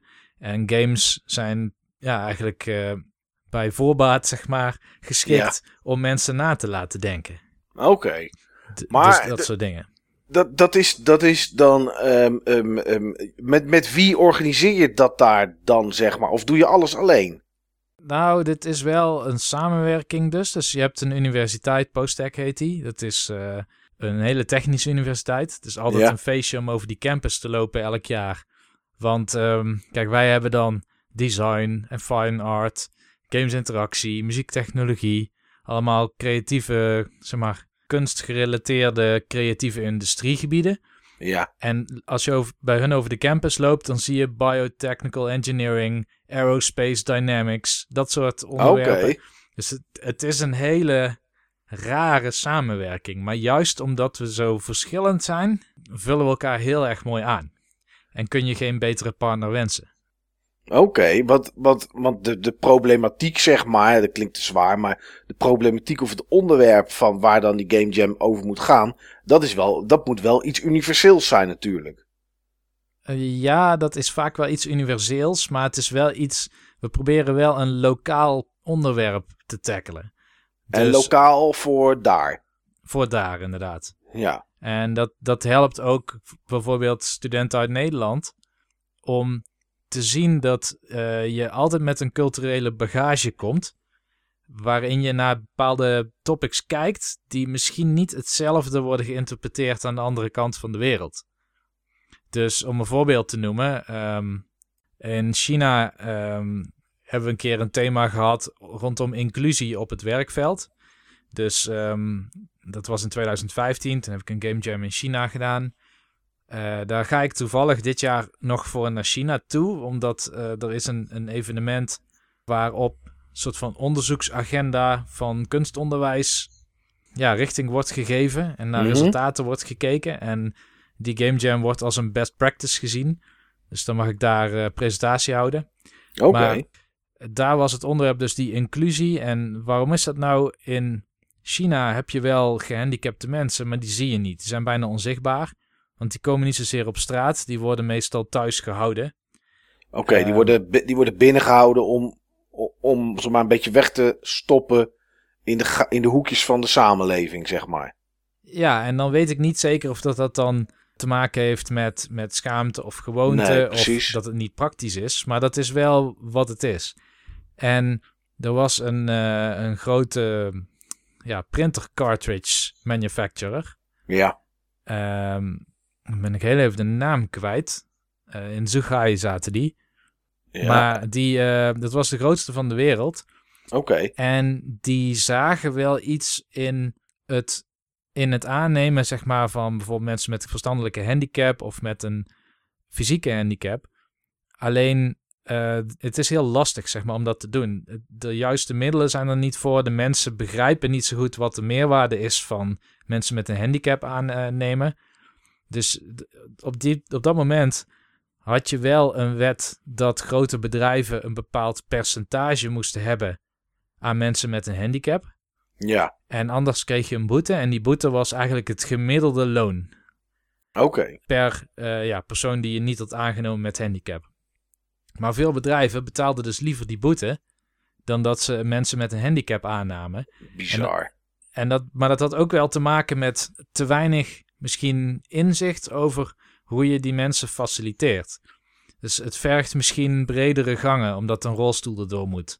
Ja, Ehm, oké, op die manier. Ja. Ja, een lift. Aange- aangepast toilet, eh, dat soort dingen. Ja, dat soort dingen inderdaad. En er is, er is onderzoek naar en dan zie je dat wat je ervoor terugkrijgt is minder ziekte op de werkvloer, eh, tolerantie onder werknemers. Dus er zijn allerlei voordelen. Natuurlijk, iemand met een fysieke handicap kan misschien weer wel extreem goed schrijven of teksten verzinnen of een marketingcampagne eh, uitdenken.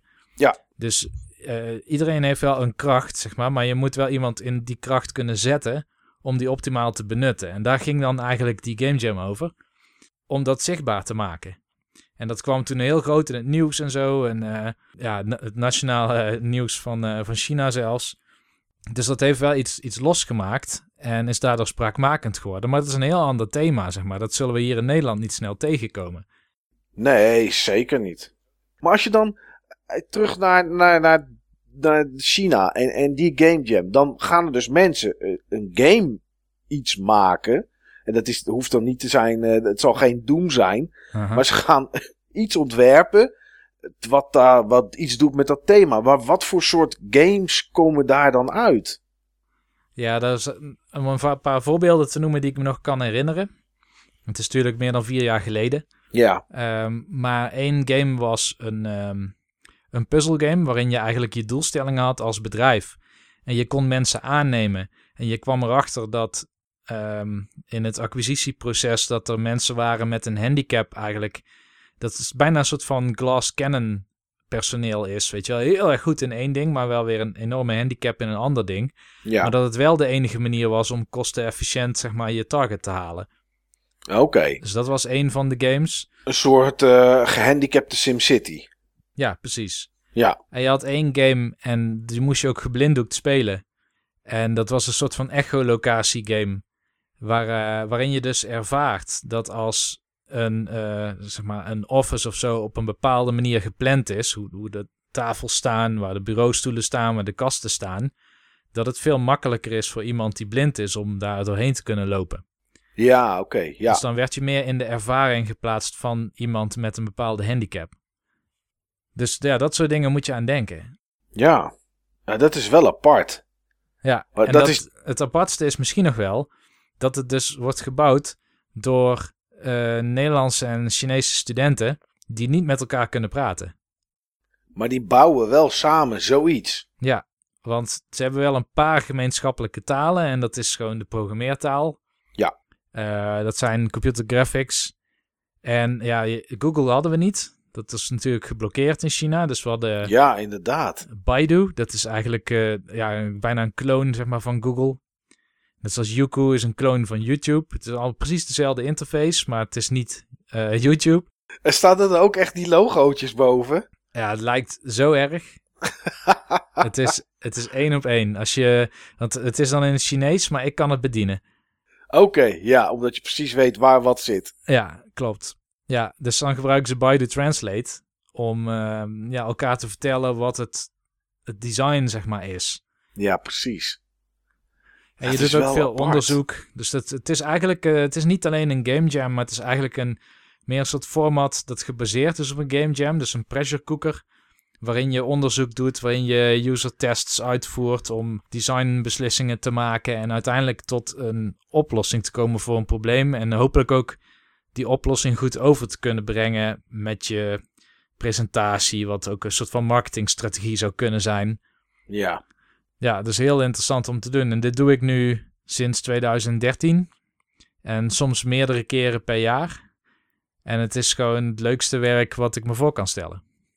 ja daar, kan ik me wel, eh, daar kan ik me wel iets bij indenken, inderdaad. Want je gaat naar zo'n land toe, dat is natuurlijk al. Weet je, ik bedoel, eh, naar Duitsland, naar Frankrijk of naar Spanje is voor de meeste mensen is dat gewoon.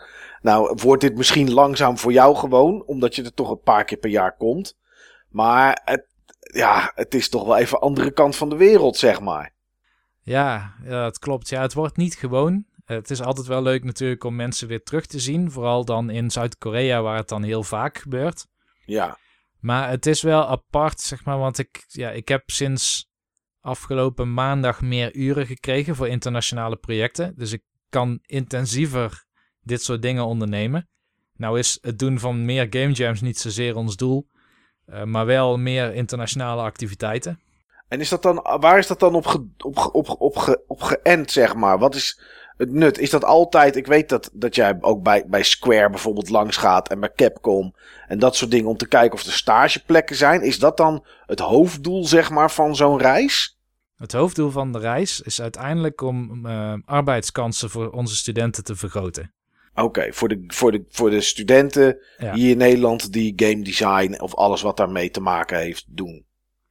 En eh, dat is gewoon een globale industrie. Dus of je nou zelf ondernemer wordt en iets wil lanceren in andere landen, of wil samenwerken met andere landen, of juist mensen uit andere landen hier wil laten werken, of daar uiteindelijk gaat werken, wat een deel van studenten ook doen, die gaan in het buitenland aan de slag.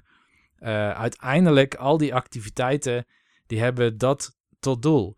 En eh, die game jams, die hebben vaak gediend als een soort van visitekaartjes van mensen die daar naartoe gaan die spreken daar ook, eh, ik noem maar wat, CEO's van, van gamebedrijven uit die regio. Ja, of, precies. eh, of professoren van universiteiten die daar ook lesgeven. En dan kun je er ook voor kiezen om misschien een half jaar in Zuid-Korea of in Japan bij een universiteit te studeren. En daar eigenlijk een, misschien dezelfde onderwerpen te krijgen, maar wel met een andere culturele kijk op dat onderwerp. Ja, ja, ja. Dat is wel een aparte manier van met games bezig zijn. Ja, Eigen, eigenlijk, het, ja, het, ik, je hebt wel eens eh, mensen die zeggen van ja, als ik de hele dag op mijn werk achter een scherm gezeten heb, dan heb ik geen zin om s'avonds ook nog achter een scherm te gaan zitten. Hè, nou, die tijd is denk ik inmiddels wel een beetje voorbij als we kijken naar hoeveel mensen met een tablet of een telefoon in hun handen zitten. Maar dat heb je natuurlijk wel een tijd gehad. Want hè, voor mijn werk zit ik de hele dag achter een scherm, behalve als ik in een overleg zit of wat dan ook. En dan zeiden mensen, ja, hoe kan je dan s'avonds nog achter je PC gaan zitten om daar een game te gaan spelen? Maar dat is natuurlijk heel anders. Het is wel scherm en toetsenbord. Maar wat je er doet is natuurlijk heel anders. Maar is, voelt dat dan bij jou ook zo, zeg maar? Dat als je klaar bent met werken, dat je zegt van oké, nu kan ik lekker eh Mana Spark gaan spelen. Want dat is toch heel anders met games bezig zijn dan wat ik vandaag overdag heb gedaan. nou ja, als ik zo'n game jam in het buitenland doe, dan ga ik niet s'avonds nog Mana Spark spelen. Oké, Want die, die Game Jam, je moet je voorstellen dat dat dat is een event dat dan op woensdag begint en op vrijdag eindigt. En Ja. in principe de hele nacht doorgaat. En ik ben in principe constant bereikbaar. Oké. En ik geef constant sturing, ik geef eh, af en toe presentaties. Ik, het is een soort gamified formaat ook, dus ik heb een soort van uitdagingen uitgerold. En eh, dan moet ik ook controleren of dat teams die uitdagingen aangaan. En je hebt soms wel meer dan 20 teams, dus je hebt heel wat in de gaten te houden. Maar ik eh, zorg dat ik er om 9 uur s ochtends ben. En ik ga vaak pas na 2 uur s'nachts weg. Oké. Dus het is elke nacht maar een uur of vijf slapen meestal. Als je nog wil ontbijten.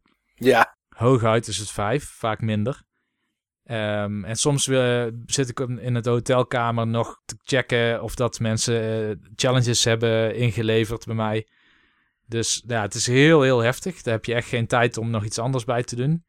Maar in, in mijn zeg maar, wekelijkse bezigheid, want ik bedoel, dit komt eh, twee, drie keer per jaar voor dat ik zo'n game jam doe. Maar in mijn wekelijkse bezigheid, dan werk ik van uh, 10 tot 6. En in de ochtend sta ik op, zet ik koffie en ga ik gamen. En als ik thuis ben, dan ga ik waarschijnlijk ook nog een game opstarten. Ja. En daar heb ik zeker zin in. Absoluut. Oh ja, en onderweg, dan game ik ook. ja. En dan is het weekend. En dan ook gamen. nou ja, of podcast editen meestal. Oh ja, dat ook nog Daar natuurlijk. zitten Ja. heel veel uren in.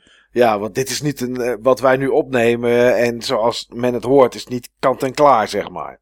Nee, ik denk dat op elk uur wat we opnemen, eh, werk ik drie uur, denk ik, voor de edit. Ja. Ja, dat is echt heel erg veel altijd. Maar ja, ook dat heeft dus ook weer te maken met games. Ja, ik denk dat dat wel het mooie is aan mijn eh, werk-privé verhouding. Het is allemaal ook weer mijn hobby op een bepaalde manier. Ja. Ook al, ja, voor, voor werk heb je natuurlijk andere doelstellingen dan voor je hobby. Ik doe dat niet om te ontspannen. Ik heb daar echt targets bij. Maar het heeft allemaal met, met hetgeen te maken wat ik het interessantst vind wat er is. En dat zijn die games. Ja. Ja, dat is wel extreem. Eigenlijk.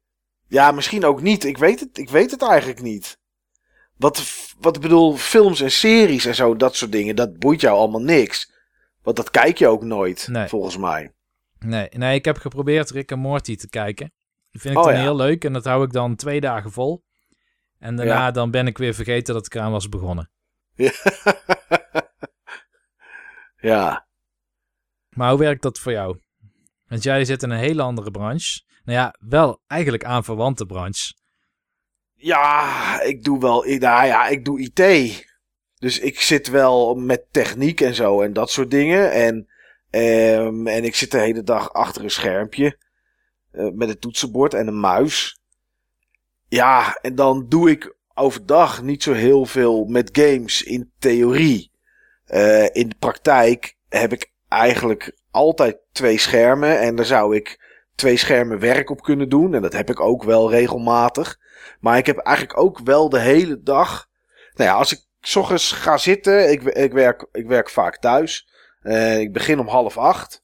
Dan ga ik zitten, dan zet ik mijn laptop zet ik aan. Eh, dan open ik mijn mail. En op een ander scherm open ik een browser. De eerste tab is altijd WhatsApp. Want dat is, eh, ja, dat is lekker makkelijk. De hele dag door, zeg maar, om dat niet op je telefoon te hebben, maar in een browser. En de tweede tab is eigenlijk standaard altijd Twitch. Dus ehm eh, ja, sommige mensen zetten Radio 2 aan. Sommige mensen die zetten op Soundcloud of Mixcloud. Zetten, nou, misschien zetten ze onze podcast wel aan. Of zetten ze Club Buttonbashers aan. Of een andere podcast die er is. Eh, ik kan dat niet, want ik ga daar toch te veel echt naar luisteren, zeg maar. Eh, soms zet ik wel puur alleen muziek aan. Maar 9 van de 10 keer zet ik, zet ik Twitch aan. En dan, ehm ja, ik heb gewoon een rits van kanalen die ik volg. Ehm, en, en, en daar skip ik dan zeg maar gedurende de dag een beetje doorheen. En, ehm, en dat, dat verandert ook wel met wat ik dan, wat ik dan kijk. Eh, dat komt ook vaak omdat de streamers die ik kijk ineens iets anders gaan spelen. Ehm, er is een redelijk grote streamer die heet Crip, of Criparian heet die als je zijn naam helemaal uitspreekt. En die deed vroeger heel veel World of Warcraft. En dan ook eh, Arena, zeg maar, met, eh, nou ja, met, met battles erbij en, en, en dat soort dingen. En echt met competitie. Eh, die ging daarna heel veel Hearthstone doen, dus dat keek ik dan eigenlijk 's ochtends. Eh, want die gast die ja, zit, woont volgens mij in Canada of zo. Ehm, en nou, die zit daar dan een beetje van de avond naar de nacht toe. Dus dat is hier dan richting de ochtend. En nou, dan keek ik die, maar die speelt op dit moment Dota Warriors of zo heet het geloof ik. Ik weet eigenlijk niet zo goed uit mijn hoofd hoe het heet. Maar dat is een soort uh, auto-chess, maar dan van, uh, dan van, uh, dan van Valve. Ehm, ja, daar vind ik niet zoveel aan. Dat vind ik niet interessant om, om te kijken. Ehm, dus dan ga ik iets, ja, ga ik iets, ga ik iets anders kijken. Ehm, wat ik op dit moment veel kijk, en dat is best vreemd, is GTA 5. En dan niet die, die standaard online modus die erin zit. En um, ook niet de gewone story. Maar ik weet niet of je. Nou, misschien heb je het wel eens gezien. Maar daar is een mod voor voor PC en dat heet 5M. Ik weet niet of je dat kent. Nee, nee. Oké, okay, nou 5M zijn roleplaying servers. Waar, um, zover ik weet, ongeveer 64 mensen maar tegelijkertijd naartoe kunnen connecten. En um, daar kan je veel meer dan in de game zelf. Veel meer dan in uh, de online mode uh, van de game zelf. En daar gaan mensen zeg maar echt roleplayen. En, en uh, ze hebben de, de stemmen zoals je praat, hebben ze afgestemd op de monden. Dus je ziet echt monden, zie je, zie je bewegen. En, en ja, mensen maken daar poppetjes aan en, en die spelen dan echt die rol. En ja, dan met, als daar genoeg mensen op zitten, dan gebeurt er eigenlijk altijd wel iets. En dat is, uh, ik kijk dan naar Lord Keboon, zo heet die gast. En die speelt de personage Mr. Chang. Hij is zelf gewoon een ja, Amerikaan, denk ik dat het is. Uh, is niet iets Aziatisch, maar hij speelt dan wel een Aziat. En uh, Mr. Chang, dit is een soort, ja, een soort mengelmoes tussen een, hij is een advocaat. Dat, dat mag hij in ieder geval uh, uitoefenen. En dus soms staat hij ook in de rechtszaal, staat hij iemand te verdedigen. Uh, dan gaat hij weer een overval plegen. Uh, dan is, is hij weer een soort leider van een soort bende. allemaal van dat soort dingen. En er zijn de gasten die zijn politieagent. En weet ik wat allemaal. En dat, daar gebeuren best wel hilarische dingen. En dat is, dat is op een of andere manier is dat superleuk om te kijken. Dus dat is een beetje overdag wat ik met, met gamen zeg maar heb. Ik kijk dan af en toe een beetje naar het game nieuws. Um, en dat is het. Maar dat is wel anders dan in de tijd dat ik nog websites draaide. Maar ja, dan moest je natuurlijk op zoek naar nieuws overdag. En dan was je dat aan het posten. En dat heb ik nu niet meer. En dat is wel vreemd. Um, en heb je nog bepaalde gewoontes of zo die je Waar, waarin je denkt, oh ja, dat doe ik niet meer?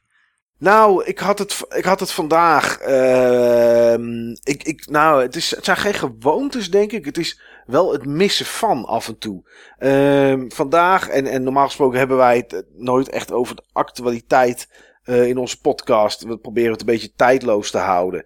Maar vandaag kwam die Switch Lite kwam dan, uh, kwamen de eerste beelden van on, nou ja, de onthulling, zeg maar. En dat soort dingen. En dan hebben wij het erover. Hè, uh, jij, ik en Steve toevallig. die had, was tussendoor eventjes ook aan het meepraten.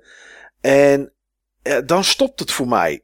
het, het Forum, daar is dan nog, hè, daar zijn natuurlijk wel mensen waarmee je daarover kan praten. Maar normaal gesproken was dat een moment dat als er zo'n trailer online komt, dat ik alles wat ik aan het doen ben laat vallen ook al was ik aan het werk. Uh, en daar dan een stukje over ging schrijven en mijn mening over ging ventileren, zeg maar. Ja. En daar kwamen dan mensen dat lezen en die geven daar dan reactie op. En ja, dat mis ik dan nog wel. Ik, ik mis dan toch wel van, oké, okay, er gebeurt best wel iets groots. Ik was tien jaar lang gewend om daar dan iets mee te doen. En ja, nu ben ik gewoon een toeschouwer. Ik kijk dan die trailer en ik zeg dat ik het niet zo'n mooi apparaat vind tegen jullie. En dat ik niet zo goed weet wat je hier eigenlijk mee moet. Uh, en dan is het klaar. Ik wilde net zeggen, het patroon dat je je mening gaf stond nog steeds overeind, hoor. Ja, nee. nee, dat is wel zo. Uh, dat, dat is ook zo. Dat is ook niet weg. En dat is ook nog wel een beetje diezelfde, misschien neg negatievere insteek dan, dan de rest. Dus dat is er nog wel. Maar voor de rest doe ik er niks meer mee. Nee. Ik bedoel, um, van de week heb ik ook op mijn telefoon eindelijk maar eens de mailbox uitgezet van Duimschroef. Uh, want de website draait nog steeds. En, en ik zit nog steeds in, in al die mailinglijsten die er allemaal zijn. En uh, tenminste van, van, van een aantal uh, ontwikkelaars halen ze het dan wel uit. Anders krijg je automatisch krijg je, krijg je games naar je toe gedrukt. Maar elke dag ontvang ik zeker nog 15 tot 20 berichten. Persberichten. vandaag van, van Blizzard en van Gamescom. En dan denk ik, en dan krijg ik mailtjes Daarnet kreeg ik een mailtje van de prhound.co.uk. Dat is een een of ander PR-bureau voor indie games um, uit Engeland. En um, ja, dan begint de mail met Hey Michael. Maar dat is natuurlijk gewoon vanuit, vanuit een mailinglijst wat natuurlijk samengevoegd wordt. Are you heading to Gamescom this year? En denk ik, nee, nee, dat ben ik niet. Uh, dat, dat mis ik dan toch stiekem wel een beetje. Ja, dat, dat, dat heb ik niet meer. Nee. Maar aan de andere kant, als ik kijk naar de games die dit jaar nog uitkomen en waar ik interesse in heb, of, e of enige interesse in heb, zijn dat er een stuk minder, um, dus ook minder verplichting dan dat ik normaal gesproken zou hebben. Uh, toen ik reviews schreef. Ja, aan de andere kant was dat ook wel weer een soort stok achter de deur. Want als ik nu gewoon drie weken denk, ik ga niks gamen, niet dat dat voorkomt, maar uh, ja, dan, dan hoeft het ook niet. En dan ben je toch in één keer anders met die hobby bezig. En dat is wel. Uh, dat is nog steeds wel wennen, moet ik zeggen. En mis je dat ik inmiddels... ook, dat vroeg ik me wel af, dat je soms slechte games moet spelen. Want ik bedoel, je, je doet er dan wel iets mee. Je creëert er weer van. Dus ik kan me hmm. voorstellen dat slechte games spelen ook juist een soort van positieve herinnering kan zijn. Ja, zeker wel. Um, de vervelendste games om te spelen vond ik altijd games die goed waren, maar waar ik niks aan vond. Uh, UFC 3 heb ik bijvoorbeeld ooit gespeeld. Helemaal geen slechte game. Technisch in orde, uh, grafisch in orde, geen rare dingen, uh, diepgang erin en dat soort zaken. Ik vond het dodelijk saai. Echt heel erg saai. En dat is dan heel vervelend om te moeten spelen. Maar ik heb ook ooit een keer. En ik zit even heel hard te denken hoe die game heette. Uh, het was een RPG op de Xbox 360, weet ik nog. Ik ga me heel snel opzoeken welke het was. Uh, was Lost Odyssey? Nee, was geen Lost Odyssey. Even kijken hoor. Xbox 360. En ik heb, ik heb dat ding heb ik nog. Uh, Two Worlds 2. Dat was een RPG en um, die ging ik spelen. En die was niet heel goed. Daar begon het al mee. Gewoon de game überhaupt was niet heel goed. Maar na ongeveer uh, vijf of nee, iets langer. Ik denk na anderhalf, twee uur. Crashte de game en was mijn save, was, mijn save game was kapot. Toen ben ik opnieuw begonnen. Uh, ik heb wel, heb ik wel denk ik even een nachtje over geslapen. Want het was, het was echt niet heel goed. En op hetzelfde punt crashte die game weer. En was weer mijn save game kapot. Dan heb je dus eigenlijk heb je vier, nou, heb je vier en een half, vijf uur heb je verspeeld. Want je gaat nooit verder komen dan dat. Maar dat is een heerlijke review om te schrijven. Dat is, dat is heel lekker om daar iets mee te doen. Want ik heb gewoon, um, ik heb niet die game gelijk uh, uh, te kakken gezet of gelijk aangegeven wat daar heel erg slecht in was. Ik ben gaan vertellen wat ik mee heb gemaakt tot het punt dat die crashte.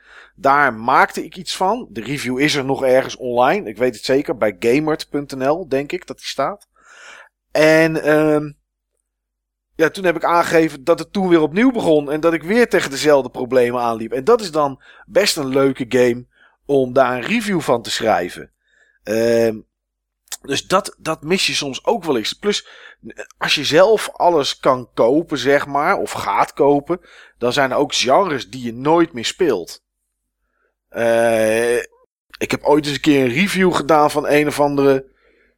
Ja, soort flight sim-achtige game. Uh, ik zou niet eens meer weten hoe het heette. Het was op de PS3 volgens mij. En het was iets met, met, met vliegtuigen. En, maar ook met, met tanks volgens mij. En met boten. Nou, het was echt zo'n soort game die, wat gewoon echt niet iets voor mij is. Ehm en ja, uiteindelijk vond ik dat stiekem best wel een leuke game. En heb Ja. ik me toch wel heel erg mee vermaakt. Ik weet, ik, het was wel moeilijk, moet ik zeggen, om daar een review van te maken. Want, eh, kijk, aan de ene kant moet je elk game, vind ik, op zichzelf beoordelen. En ik vind ook dat je de technische staat van zoiets mee moet nemen. Ehm, aan de andere kant is het soms wel prettig als je eh, een beetje in dat genre zit, zeg maar. Eh, soms vind ik dat moeilijk als ik reviews lees van iemand die zegt: Ik speel al mijn hele leven Pokémon. En eh, deze Pokémon is echt heel slecht. Want eh, nou ja, er is nu wat te doen om die nieuwe Pokémon, Shield en Sword. Omdat je bepaalde Pokémon onderling niet schijnt te kunnen uitwisselen. Dus daar zijn mensen dan allemaal weer een beetje piel over. En denk ik, ja, maar goed, weet je, ik als niet hardcore Pokémon speler boeit dat helemaal niet.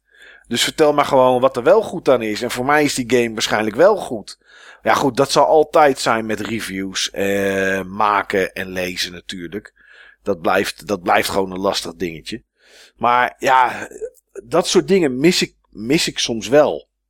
Ja, daar heb je wel gelijk in. Dat is wel, eh, dat is wel een dingetje. In het verlengde van iets wat je net zei. Want die PlayStation 3 game die eigenlijk niet in je straatje past, maar toch iets is wat je leuk vond om te spelen. Ja. Ehm, is er een bepaalde game of een soort genre, zeg maar, wat je weet dat je niet gaat kopen, maar waar je eigenlijk stiekem wel soort van benieuwd naar zou zijn om een keer uit te proberen? Ja, er zijn best wel wat genres die ik nooit koop en ook nog nooit gespeeld heb. Eh, eh, Zo'n dungeon crawler die jij net noemde. Ik weet nu de naam al niet meer. Uh, Labyrinth of Refrain. Precies, die. Ja. Ehm, ehm, maar bijvoorbeeld ook eh, Persona. Hm. Heb, ik, heb ik nog nooit gespeeld. Ik heb nog nooit een Danganronpa gespeeld. Bijvoorbeeld. Ik weet Hmm. ook niet of ik, of ik het leuk zou vinden. Ik denk dat dat, dat dat misschien net iets is dat ik niet moet proberen. Ehm, maar er zijn ook heel veel games die ik, zeker in de tijd van de PlayStation 3, gespeeld heb. Die ik normaal nooit zou hebben gespeeld. Abyss Odyssey. eh, als, met als publisher Atlas. eh, zou ik normaal nooit gespeeld hebben. Ik weet er op dit moment echt niets meer van. Is dat Moet ik heel eerlijk game, zeggen? toch? Eh, Nee, het is, het is een RPG iets. Oh ja, oké. Abyss Odyssey. Ik, ik zie hier een plaatje ervan. En nou, wat het voor de rest doet, geen idee. Ehm, wat is nog meer bijvoorbeeld zo'n titel? Ik zit even door mijn collectie hierheen te scrollen met wat ik heb. En ik zag er net, zag ik wel wat van dat soort games zag ik voorbij komen. Eh, wat was nou zoiets? Je hebt zo'n game, oh ja, eh, Natural Doctrine van, eh, van NES Europe. Dat zou ik normaal nooit gespeeld hebben. En dat heb ik nu, ik, nu wel gespeeld. Ik heb het wel heel ver weggestopt hoor, moet ik zeggen. Want eh, ik zou zo 1, 2, 3 niet meer, niet meer weten wat het is. Maar ik heb ook zo'n game gespeeld. Ik kan even niet op de naam komen. En dan moest je traps leggen. Dan had je een kamer en dan kon je, kon je eh, vallen neerleggen. En springplanken ook. En dan kwamen er tegenstanders binnen. Of die liepen al in een bepaald rondje. En dan moest jij, eh, moest jij iets neerleggen. Waardoor, dan, waardoor je ze zeg maar afmaakte op creatieve manieren. Nou, ik weet even niet hoe het heet. Ik heb volgens mij een deel 4 daarvan gespeeld. Ja, daar heb ik echt wel, echt wel lol aan gehad. En dat had ik normaal, had ik dat nooit, had ik dat nooit geprobeerd. Eh, Mugen Souls Z heb ik ook in mijn collectie zitten en heb ik ooit gespeeld. Ja, ik weet het echt niet meer. Maar ja, dat zijn dan games, dat is dan ook een voordeel, zeg maar. Dat zijn dingen die je normaal gesproken nooit, waarschijnlijk nooit zou kopen. En dan nu in één keer, eh, nu in één keer wel daarmee in aanraking kom. Maar goed, terug, terug naar de, naar de originele vraag. Ja, eh, dat denk ik. Dat zijn denk ik titels die ik niet zo snel zou kopen, maar waar ik dan wel een keer nieuwsgierig naar zou zijn, zeg maar. Ja. Ja, weet je, ik, ik ga dit jaar ook niet FIFA 20 kopen, terwijl ik eh, 19, 18, 17, 16, ik heb ze allemaal. En ik heb er best wel plezier mee gehad, maar ik weet gewoon dat ik dat te weinig speel. om daar, eh, om daar echt genoeg lol aan, aan, te, aan uit te halen. Deception 4, dat was trouwens de naam die ik net zocht van een game waar je traps neer moet leggen. Hmm. En, en vallen en, en kanonnen moet schieten op het juiste moment. Waardoor er dan een kanonskogel op iemands hoofd komt. Waardoor die duizelig wordt, rond gaat draaien, tegen een muur aanloopt waar dan punten uitkomen. Waardoor er daarna een, een fles naar beneden valt met olie. Zodat hij daarna zichzelf in de brand zet, zeg maar, en hem dan verslagen hebt. Ja, dat zijn dat soort games. Dat, dat, ja, normaal speel, je dat, speel ik dat nooit. Maar op een of andere manier kwam ik dat dan wel tegen, zeg maar. Ja, dat is wel. Uh, ja, dat is wel lastig. Maar ik vind het ook moeilijk om te bepalen wat ik nu nog ga kopen en niet. En dan, dan merk ik dat bij zo'n Mortal Kombat 11 en zo'n Crash Team Racing. Dan koop ik dat. Eh, omdat ik het toffe games vind. En dat vind ik nog steeds. Maar uiteindelijk blijkt toch dat ik het gewoon te weinig speel. Ja. Heb, heb jij dat wel eens? Dat je titels koopt waar je enorm naar uitkijkt. Dat je ze koopt en dat je gewoon. Dat, dat, het wel, dat je het wel goed vindt, maar dat je toch het niet speelt. Ja, dat heb ik heel vaak. En dat komt denk ik omdat ik nog steeds, en dat is eigenlijk niet heel slim, maar ik pre-order nog steeds heel vaak. En dan heb je Mm. er zin in op het moment dat je pre-ordert, maar dan komt hij uit en dan ligt hij op je mat op het moment dat je in een andere game zit. Ja. En dan komt hij in de kast. En dan is het maar de vraag wanneer die daar weer uitkomt. Dus dat ja, in ieder backlog, geval. Backlog is heel moeilijk, vind ik. Ja, en vooral ja, opkomen in de komende tijd, zeg maar, komen er wel echt games per maand uit die ik allemaal zou willen hebben. Uh, maar Ja. waar ik nu al van weet dat ik die niet allemaal ga kunnen spelen. Dus dat is, eh, ja, dat is toch tricky inderdaad, ja. En dan heb ik inderdaad, ehm, net zoals wat ik jou net vroeg, nog wel een aantal games waar ik heel benieuwd naar ben. Ehm, Ja. Die ik graag, graag toch een keer zou willen spelen. Waar ik vroeger wel de tijd voor zou hebben genomen. Ik denk tussen eh, 2004 en 2012 ongeveer. Toen ik nog veel games zelf maakte en aan werkte. Toen wilde ik nog wel eens genres kopen. eh, die ik niet zelf zou spelen per se. Maar waar ik wel van wilde leren waarom het een bepaalde doelgroep aansprak. Ja, dat is natuurlijk wel een mooi, mooi doel, inderdaad. Ja, ik heb dat nog bij een paar spellen. Bijvoorbeeld ehm, een hele, hele rare game waarschijnlijk. Eh, Style Boutique. Ik weet niet of je die kent. Dat is zo'n 3DS-game. Volgens mij hebben we het er laatst over gehad, of niet, in de podcast. Kan dat? weet ik niet. Het is een, eh, een game waarin je een kledingwinkel hebt. En, ja, en dus klanten krijgt en die, die willen dan bepaalde soorten kleding hebben. En die moet je dan wel hebben of niet. Volgens mij kun je ook kleding ontwerpen of zo. En ik weet, ik heb niks met kleding. Ik ben helemaal Nee. geen, geen fashion persoon, zeg maar. Maar het management aspect met bepaalde, ja, laat ik het soft parameters noemen, vind ik Ja. interessant. En met soft parameters bedoel ik dat je niet ehm, van die balkjes hebt van ik zoek eh 20% geel, eh 90% strak. Eh, maar dat het een hele vage omschrijving is van wat mensen willen hebben. En dat je zeg maar door die omschrijving, ja, uit die omschrijving moet lezen wat ze nou eigenlijk echt willen en daar iets bij moet zoeken. ja. Dus niet een hele statische puzzel, zeg maar. Nee, precies. En ik heb dat ook met een game. eh, ik heb het één keer over zo'n Atelier game gehad. Ja, ja, weet ik Ehm, nog. Ja, en die sloeg eigenlijk niet zo aan bij mij. Ik was er toen wel positief over, maar ik heb het nog een stukje doorgespeeld en het ging eigenlijk nergens heen. Ehm, dat heeft mij om een of andere reden niet van weerhouden om er nog één te kopen. Maar goed, die, die staat dus in de kast ongespeeld. Ja, Maar er is ook een game uit in die serie. ehm, en ik weet heel even niet meer hoe die heet. Maar dat is ook meer een soort van stad-sim. Dus in plaats van dat het dan een roleplaying game is. waarin je allerlei ehm, materialen moet gaan zoeken. en daar dingetjes uit moet gaan maken in een alchemiepot. bouw je hier een stad.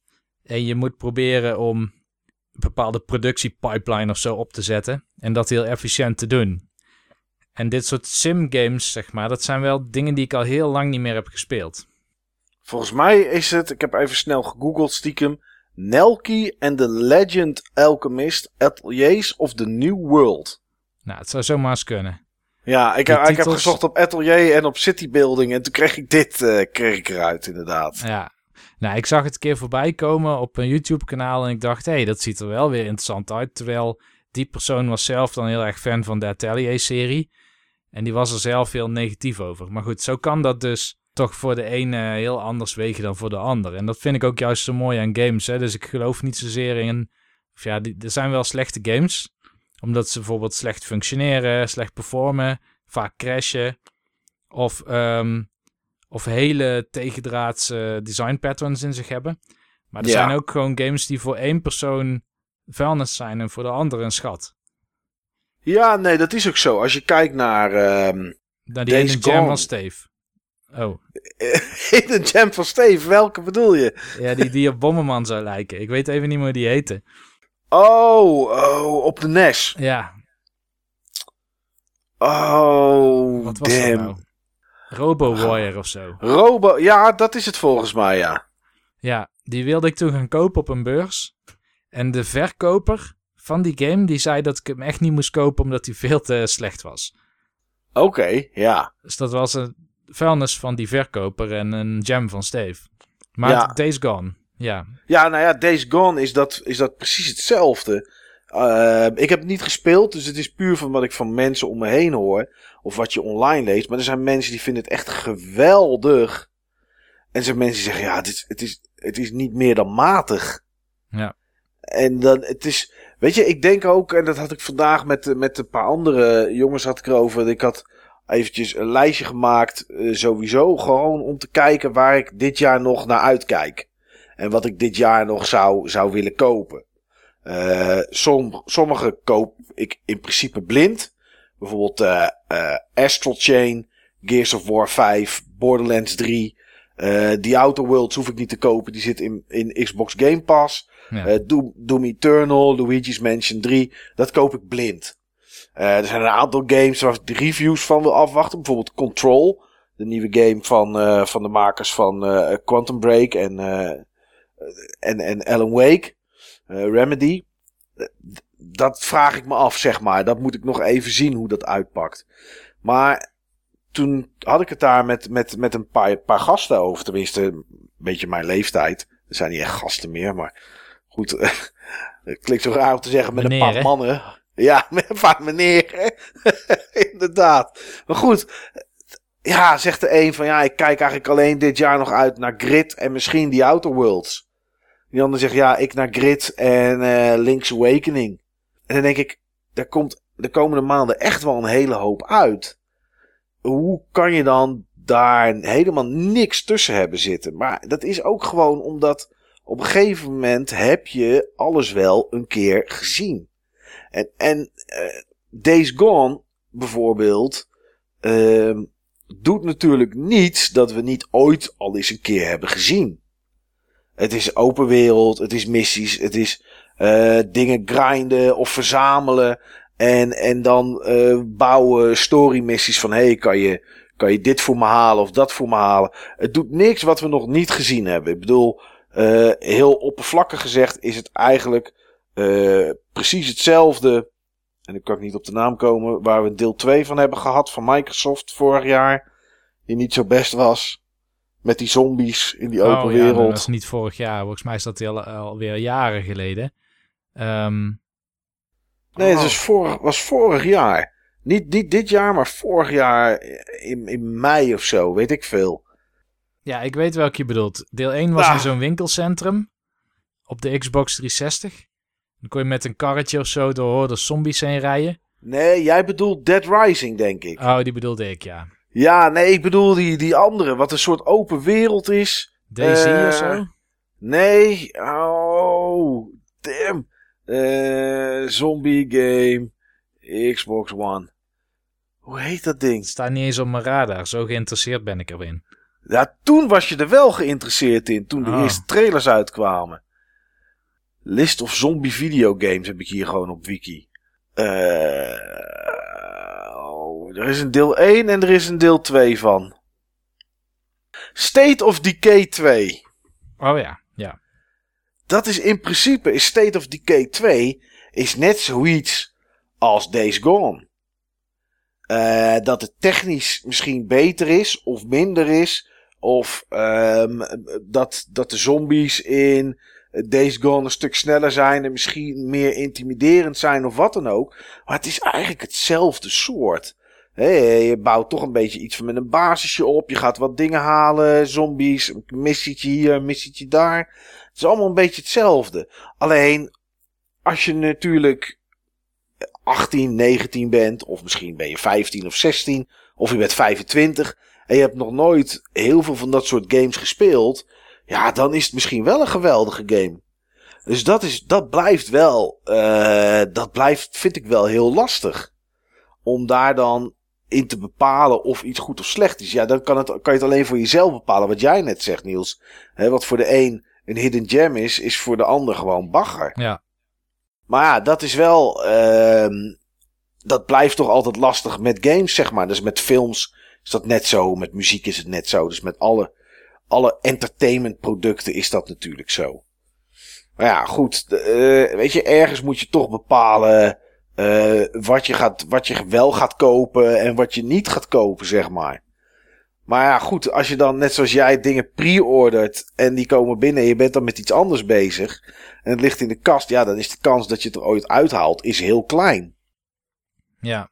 ja, ik ga redelijk goed door spellen heen, maar ik koop ook digitaal en ik heb de Game Pass, weet je wel. En al dat soort dingen kosten allemaal tijd. Nou ja, op de Game Pass bijvoorbeeld heb ik van de week dingen geïnstalleerd. Eindelijk. Super Mutant. Uh, of Mutant Year Zero. Een XCOM-achtige game met, uh, met dieren. En ik, ik, heb het, ik heb hem zelfs nog aangehaald in de E3-uitzending. Omdat er het DLC kwam. En dat ik vind dat mensen, als ze dat tof vinden, toch echt die game een keer moeten proberen. Hij is geïnstalleerd. Maar ja, 26 juli komt bijvoorbeeld Wolfenstein Youngblood uit. Ik denk dat ik dat wil kopen, want dat wil ik koop spelen met iemand. Uh, ja, dan ga ik waarschijnlijk nooit meer Mutant Year Zero spelen. Maar ik heb laatst ook uh, hier in, in Enschede bij Gameshop Twente... heb ik voor 8 euro heb ik, uh, Valkyria Chronicles opgepikt voor de PS3 omdat jij er toen over vertelde. Ik dacht van oké, dit wil ik toch wel een keer proberen. Misschien ook een genre waar je het net over had. Wat ik niet zo vaak koop of geprobeerd heb. Ja, wanneer, waar, waar, waar, waar moet ik die tijd allemaal vandaan halen? Dat is soms wel eens lastig. Ja, zeker. Herkenbaar, ja. Ja, ja maar goed. Ja, als ik dan jou af en toe hoor in de Game Talk met wat je gespeeld hebt en eventueel uitgespeeld hebt, dan denk ik, potverdorie, zou die Niels gewoon 30 uur in een dag hebben? of, of 35 uur? Nee, ik denk netto dat ik um, anderhalf uur per dag speel.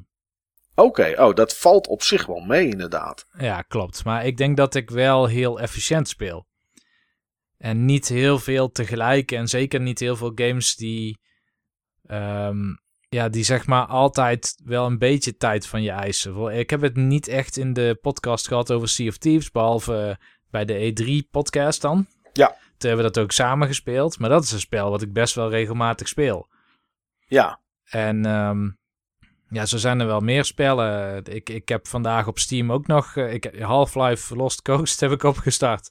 Oké. Okay. Ja, ter ere van onze Club Buttonbashers Half-Life 2 aflevering. Ja. Uh, maar ja, dat zijn dat... Ja, niet spellen waar ik het over heb. Ik had ook meerdere spellen opgeschreven voor de Game Talk. Maar ik heb gewoon vandaag ook tijdens de Game Talk keuzes gemaakt. Ook bijvoorbeeld um, Mana Spark had ik niet vandaag ja. genoemd als jij niet uh, het had gehad over Cadence of Hyrule. Nee, dat triggert dan iets en dan denk je in één keer, hey, dat heb ik ook gespeeld. Ja, ja. ja. En ik had natuurlijk wel die Labyrinth of Refrain, maar daar heb ik gewoon twee vluchten van 11 uur aan besteed. Allerlei busreizen aan besteed, treinreizen aan besteed. Dus daar zit heel veel tijd in, maar daar heb ik ook wel maanden over gedaan. Ja, lekker in het vliegtuig met een grote anus in beeld. Dat is natuurlijk super tof. Hartstikke leuk, ja.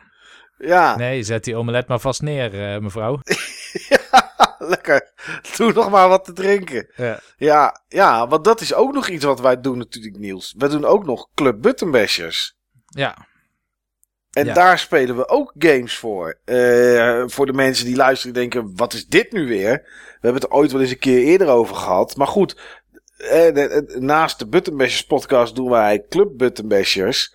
Uh, op Soundcloud in hetzelfde kanaal te vinden, maar voor de rest op iTunes, op uh, alle eh, Android podcasts en Spotify is het, is het los te vinden. Dus mocht je het nog nooit gehoord hebben, neem eens een kijkje. en in Club Buttonbashers spelen we natuurlijk binnen een maand één bepaalde game ook nog eens.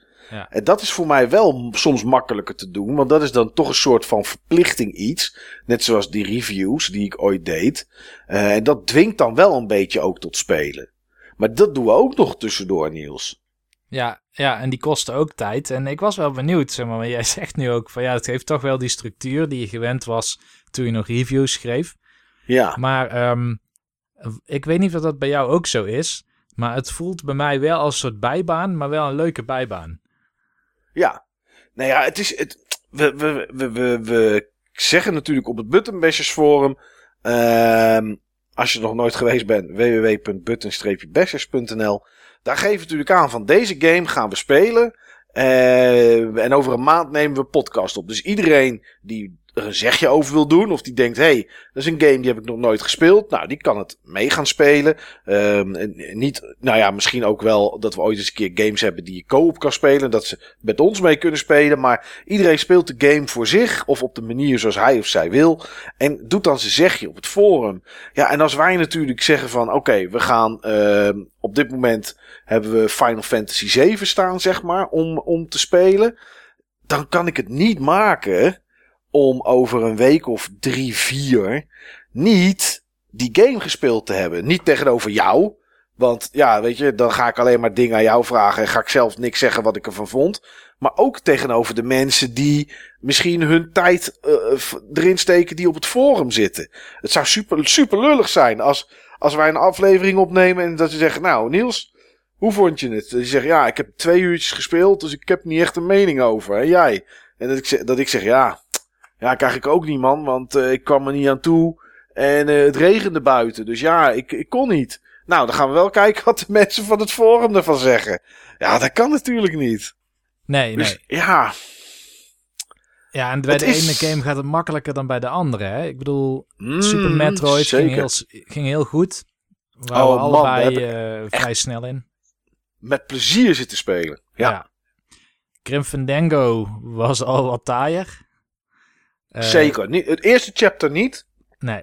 Maar het tweede chapter dan weer wel. Toen hebben we Okami gedaan. Uh, ja. Die was ook wel weer goed te doen, maar die was erg lang. Ja. Ja, ja dat klopt. Maar was, dat was niet vervelend om weer te gaan spelen, zeg maar. Dat was elke keer wel weer leuk. Ja, precies. En toen hebben we Half-Life Half 2, inderdaad. Ja. dat is interessant, want Half-Life 2, uh, dat was voor mij een extreem drukke periode. En toen hebben we de strategische keuze gemaakt om um, een kleinere game daarnaast te doen, of daarna te doen. Ja. En daarna dan pas weer een grotere game. Dus het is Half-Life 2, Slay the Spire, Final Fantasy 7. Ja, en het fijne van dat was, die Slay the Spire zie ik als een soort van slider, zeg maar. Waardoor ik meer of minder tijd aan Half-Life 2 of aan Final Fantasy 7 kan besteden. Ja, ja, dat klopt. En Final ja, nee, dat was ook prettig. Ja, en Half-Life 2, um, ehm, die hebben we laatst opgenomen. En um, dat was wel iets waar ik echt in achterliep. We liepen er beide in achter. Ja. Het had met meer dingen te maken, gewoon met persoonlijke drukte, maar ook met de motivatie om maar door te arkeren of harken. Ja. In die game. Het is best een taaie game om erheen te komen. Als je gewoon korte ja, speelmomenten in de avonturen of zo hebt. En ik heb er toen voor gekozen om van, uh, van zaterdag op zondag gewoon uh, uren in de nacht door te trekken. Ja, ja en, en, voor mij waren die korte speelmomenten kwamen bij mij vooral ook voort uit de game zelf. Dat ik gewoon na een half uur, drie kwartier er elke keer echt klaar mee was. Ja. Niet altijd. Er zitten één, één of twee chapters in waar ik dat niet bij had. Uh, als je wil weten welke, is een beetje Beetje cheap dit, maar hè, luister, luister naar de Club Buttonbashers aflevering over Half-Life 2. Maar uh, ja, toch ga je het dan elke keer opstarten. Dat je denkt, ja, ik moet toch minstens wel wat verder spelen dan dit. En uh, ja, het, is wel een druk die ik ken. En met review was dat soms misschien, moet ik heel eerlijk zijn, nog wel iets meer.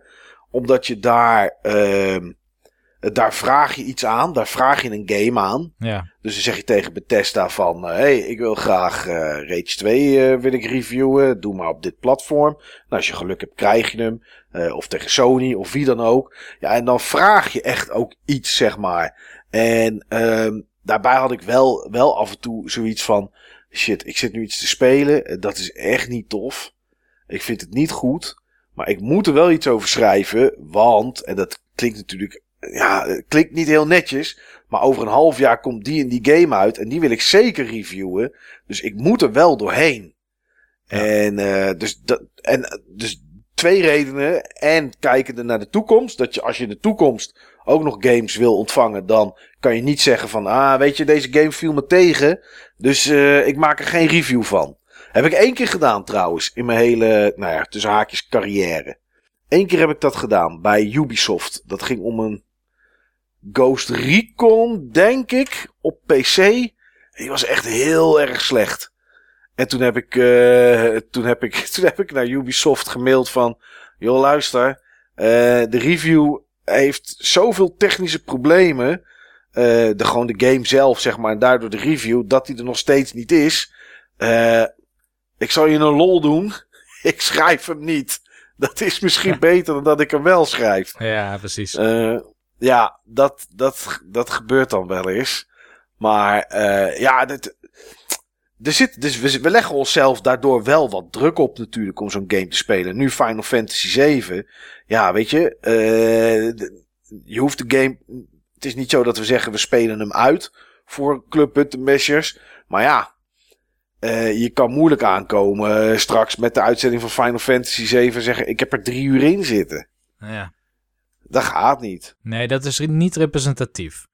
Nee. En dat was het fijn aan Slay the Spire. Daar kon je, als je drie uur hebt gespeeld, kun je er iets zinnigs over zeggen. Als je hem Ja. tien uur hebt gespeeld, kun je er iets zinnigs over zeggen. En als je honderd uur hebt gespeeld, kun je er ook iets zinnigs over zeggen. Maar je, je kon altijd in ieder geval uitleggen wat jouw beleving bij die game is geweest. Want Ja. die was heel schaalbaar. Ja, zeker. Ja, ja. Ja, dus dat is, ja, eh, maar op die manier zijn wij toch, Niels, een hoop bezig met games. En jij dan ook nog eens eh, werkwijs. Ja, Ben je het nooit eens zat? nee, nee. Oké. Nou, eh, interessant is Oh. wel, ik had eh, toevallig gisteren, toen keek ik naar alles wat eruit ging komen binnenkort. Ja. En ja, dat er toch wel weer veel games zijn. En kost een hoop geld, kost een hoop tijd, kost een hoop ruimte in je kast als je het allemaal fysiek ook wil hebben. Ja. En ik dacht, maar vind ik misschien het eigenlijk niet leuker om gewoon wat van die Game Pass games te gaan doen? En ook wat meer online te doen met eh, mijn collega's of zo. Vind ik dat niet eigenlijk stiekem leuker dan, ehm, ik noem maar wat, eh, World of Final Fantasy die ik heb gekocht, opstarten en uitspelen? Ja. Want soms is zo'n game ook maar een soort werk. En daar staan games wel onbekend dat je daarin bereid bent om allerlei, eh laat ik het zeggen, corvée-klusjes uit te voeren. Vooral roleplaying games zijn daar heel goed in. Zeker. Ja, ja. Dus ja, dat, die overweging heb ik gemaakt. Het is zoveel goedkoper. De quality time is misschien nog wel iets hoger. Je hebt ook meer om over te praten met mensen. Je hebt, in mijn beleving zijn vaak die multiplayer ervaringen die je hebt gehad, die blijven je hele leven bij. Ja. En welk verhaal je ook hebt in een singleplayer game, dat is eh, niet meer relevant over een paar jaar. Tenzij je daar in de tijd heel vaak mee over hebt gesproken of zo met mensen. Dus ja, dat is wel iets wat door mijn hoofd ging. Van is dit niet eigenlijk iets wat meer bij me past?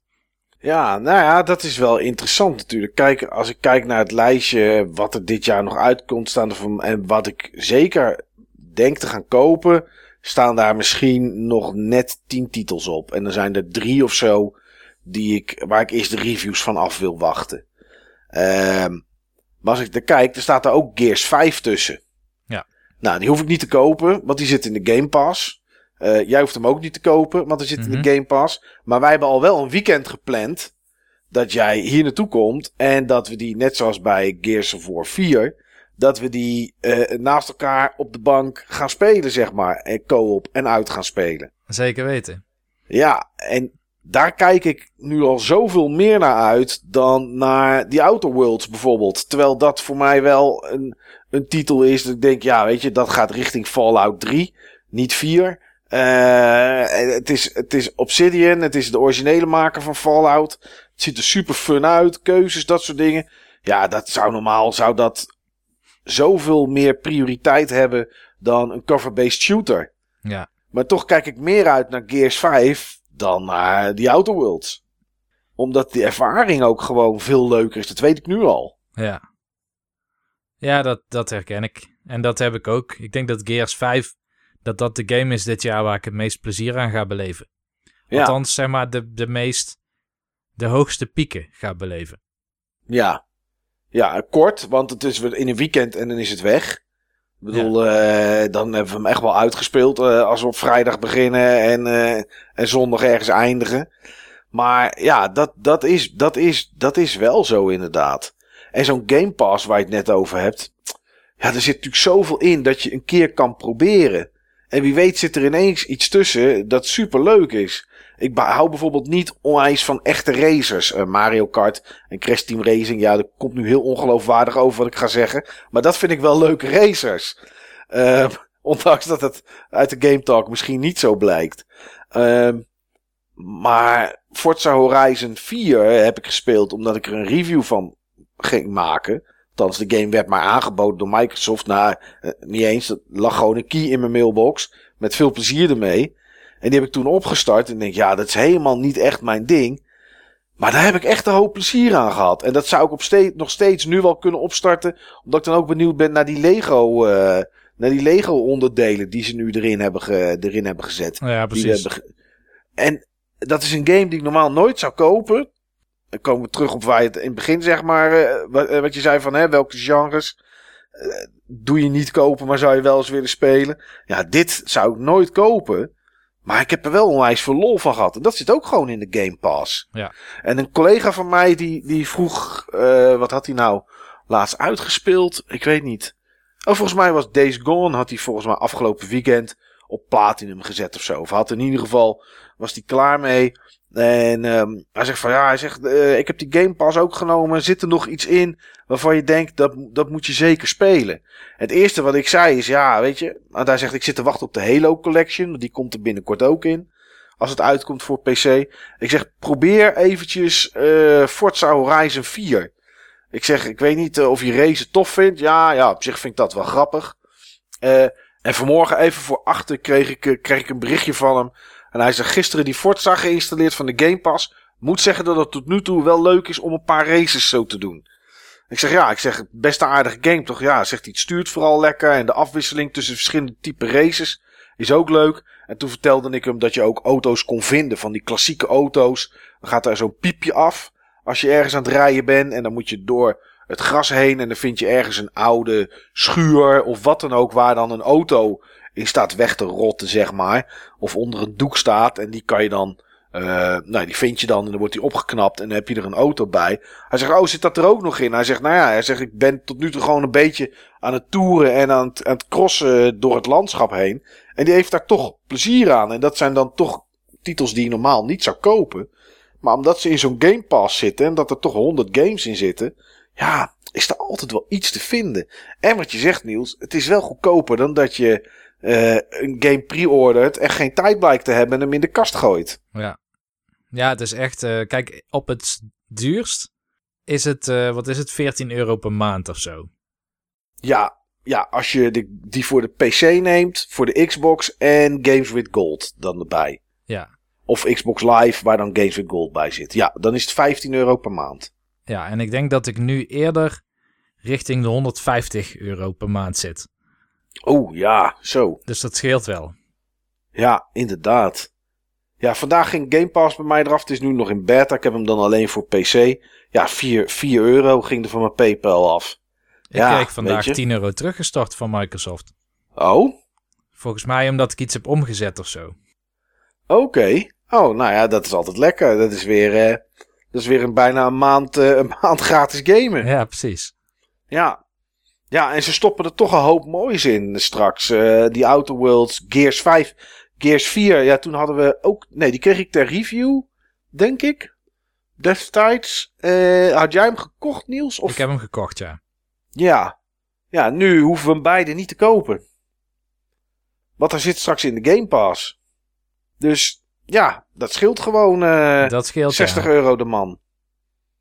Ja.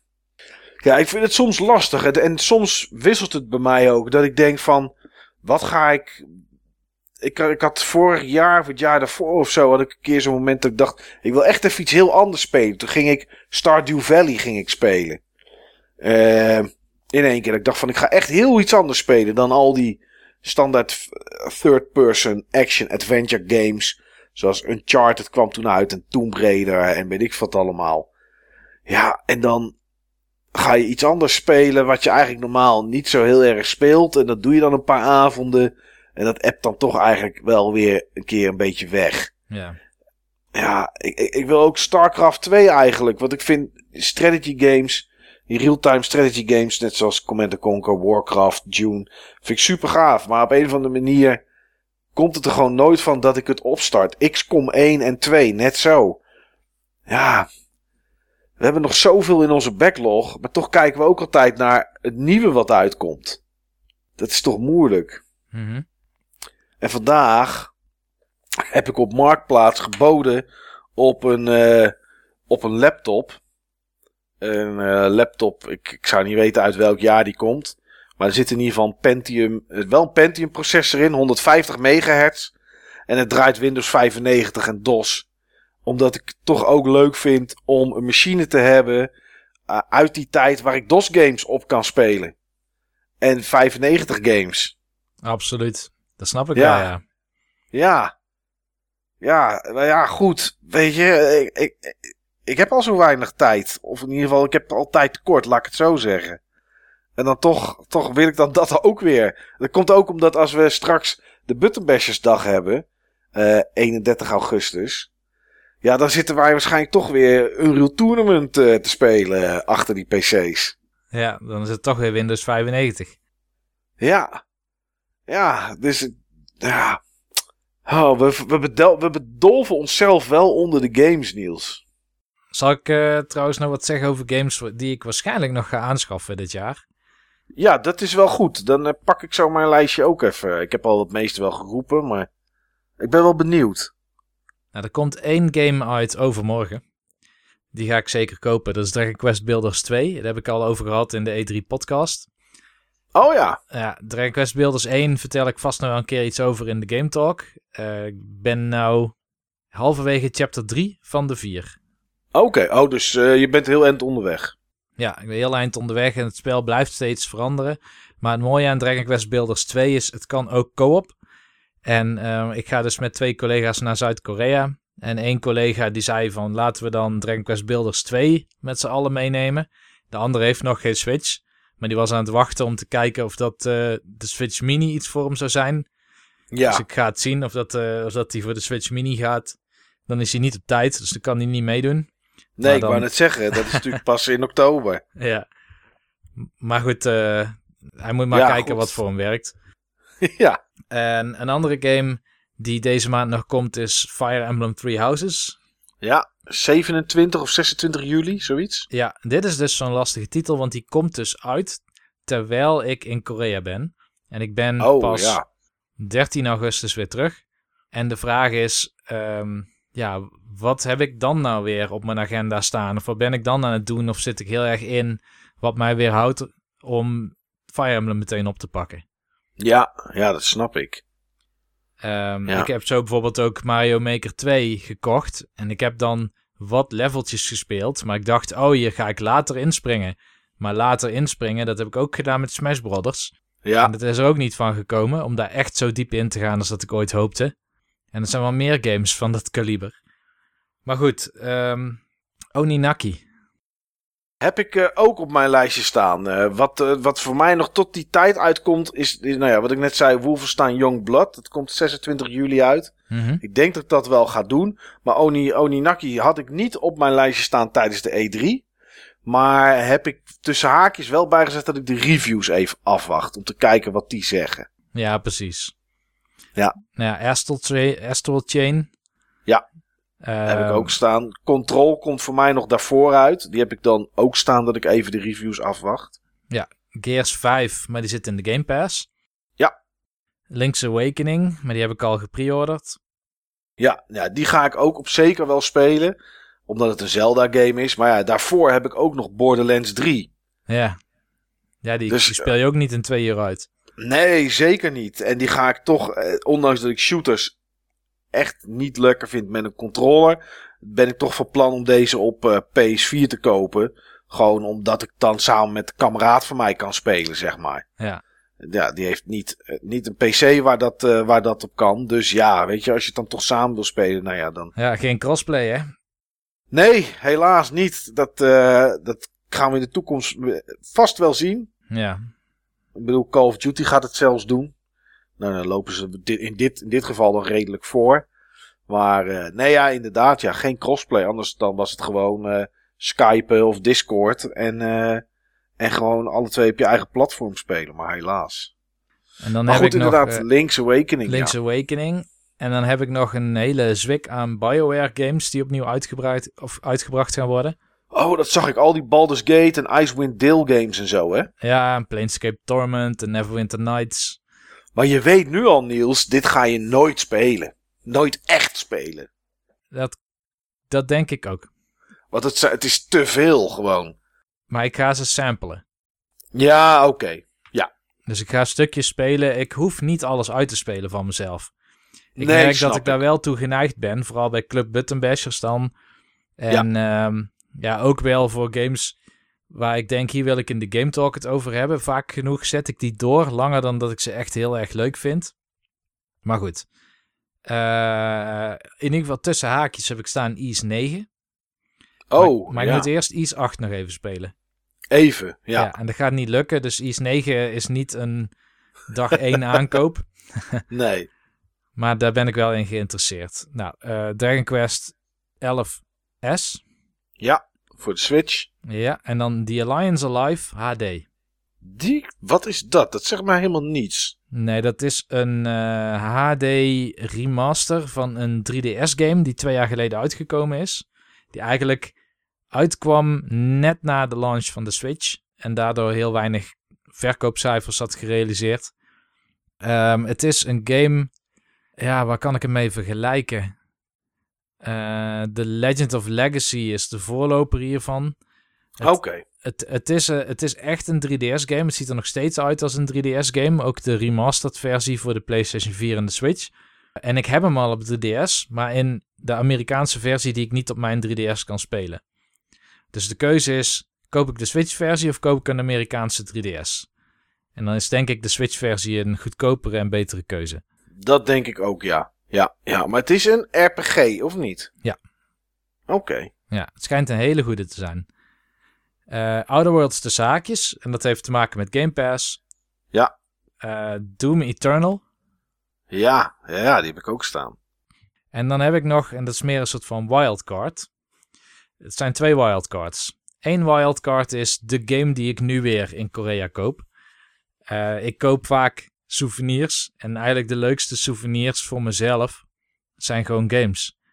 Ja. Games die hier niet uitgekomen zijn of hier alleen digitaal uitgekomen zijn.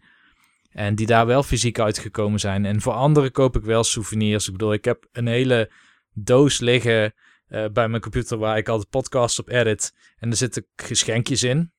Van okay. nichtjes en neefjes en uh, misschien mensen die jarig zijn of collega's die een keer jarig zijn of iets verdienen. En er zitten eigenlijk niet per se dingen in die ik specifiek voor mensen heb gekocht, maar dingen die ik denk, ah, dat is leuk om een keer weg te geven. Ja, precies. Gewoon uh, van die, ja, van die leuke, leuke dingetjes die vandaar zijn. En als je een keer iets nodig hebt, of hé, hey, dat past bij iemand, dan heb je wat liggen inderdaad. Ja, ja. ja. Nou, ik heb jou een keer iets uit Japan gegeven. Klopt, ja, heb ik nog steeds. Ja, dat handdoekje. Handdoekje, ja. Nee, maar die, dat was niet zo'n geschenk, zeg maar. Die had ik niet liggen. Dat was wel een geschenk dat ik daar kocht en dacht, oh, dit neem ik mee voor Mike. Ja, ja, ja, ja, echt superleuk. Maar zo heb ik allerlei zut, weet je wel. En, uh, je hebt een winkel bijvoorbeeld in, uh, in Japan, Tokyo Hands. En daar verkopen ze allerlei dingen die je niet wist dat je nodig had, maar die je wel wilt. dus het zijn um, schaartjes, die, eh, als je daar een kaartje mee knipt, dan krijg je een rond hoekje. Dus het is eigenlijk een schaart met een, ja, met een bocht erin. Oké. Oh, dat is wel handig. Als je een keer een hoekje om moet, dan wordt hij mooi rond dus. Precies, dan wordt hij mooi rond. Ehm, of wat dacht je van sticky notes in de vorm van een Duitse herdershond? ja, die heb je niet nodig. Maar ik weet zeker dat het er leuker uitziet dan zo'n standaard gele post-it. Ja, of een etui die je rechtop kan zetten. Zodat het ook een soort van pennenglas wordt. Oh, dat is wel makkelijk. Want anders ligt hij altijd in de breedte en neemt hij best wel... Oh, ja, jeetje. Oké, je? Dus grappig het zijn maar die dingen die je tegenkomt en denkt... hé, hey, die heb ik hier nooit gezien. Ja, Ehm, ik heb hier nooit om gevraagd. Maar ik zie er wel iets in. ja. Voor bepaalde situaties. En eh, ik loop ook altijd de Pokémon eh, stores in. Daar hebben ze altijd exclusieve Pokémon merchandise. En dan koop ik gewoon een paar dingetjes van die raamstickers of zo. Of een Ja, schriftje of kleurplaten. En dan krijg je altijd een... eh, wanneer je afrekent, dan mag je dan een kaart trekken. Uit, uit een soort ton of zo. En er is dan een unieke Pokémon kaart. Nou, dat is ook weer een geschenk. Oh, dat is wel grappig, ja. En zo gaat het maar door. En in Korea weet ik ook een straatje. En er zitten allerlei kunstateliertjes. En die maken hun eigen, eh, ja, wat is het, eh, souvenirs, zeg maar. Dus dat soort dingen neem ik dan allemaal mee. En voor mezelf neem ik een game mee. Dus dat is iets wat ik ga doen. Ik koop een game. Ik heb vorige Mhm. keer een game laten liggen. En die koop ik misschien deze keer wel. En het was een soort van, volgens mij was het een Darius collectie of zo. Weet je wel, die Oké. shooters. Ja, ja, ja, ja. Of Mega Man 11. Die is daar fysiek uitgekomen. Dus dat zou ik nog wel kunnen doen. Maar ehm, wat ik ook nog wil kopen... is eh, eigenlijk ook weer in, het, in de categorie genres die me niet liggen... maar ik toch iets mee wil doen. Ja. En is, ik wil eh, weer een keer een soort van Steins Gate of zo kopen. Oh ja, ja. Echt zo'n verhaalachtige game. Ja, met het idee dat ehm, ik kan geen series kijken... Nee. Want een serie bepaalt voor mij het tempo. Maar zo'n visual novel bepaal jij het tempo. Ja. Dus dat is anders. En daar zou ik misschien makkelijker in kunnen komen. En een andere reden die ik ervoor heb is... eh, er is een student die, die heeft gewoon een fascinatie met dat genre. En ik wil dan iets bekender zijn met genreconventies van visual novels. Om te Mhm. voorkomen dat het gewoon een heel standaard project wordt. Ah, oké, ik snap het. Het moet ja. wel iets van nieuwswaarde hebben of iets unieks doen, waardoor het opvalt binnen eh, ja, eigenlijk een zee aan dit soort producten. En dan vooral op Steam stikt het ervan. Ja, En het is heel Ja, moeilijk in te schatten of het, of het goed is of zo. Want ik bedoel, je wint het niet op verhaal.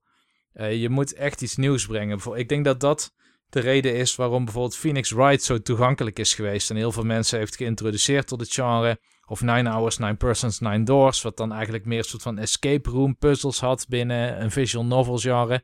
Ja. Maar ja, Steins Gate was gewoon letterlijk alleen maar tekst doorklikken. En dan bepalen of dat je wel of niet de telefoon opneemt. ja, inderdaad, dat weet ik nog, ja, dat je dat vertelde. Ja, Dus ja, daar ga ik nog iets in proberen dit jaar. Is mijn oké. voornemen.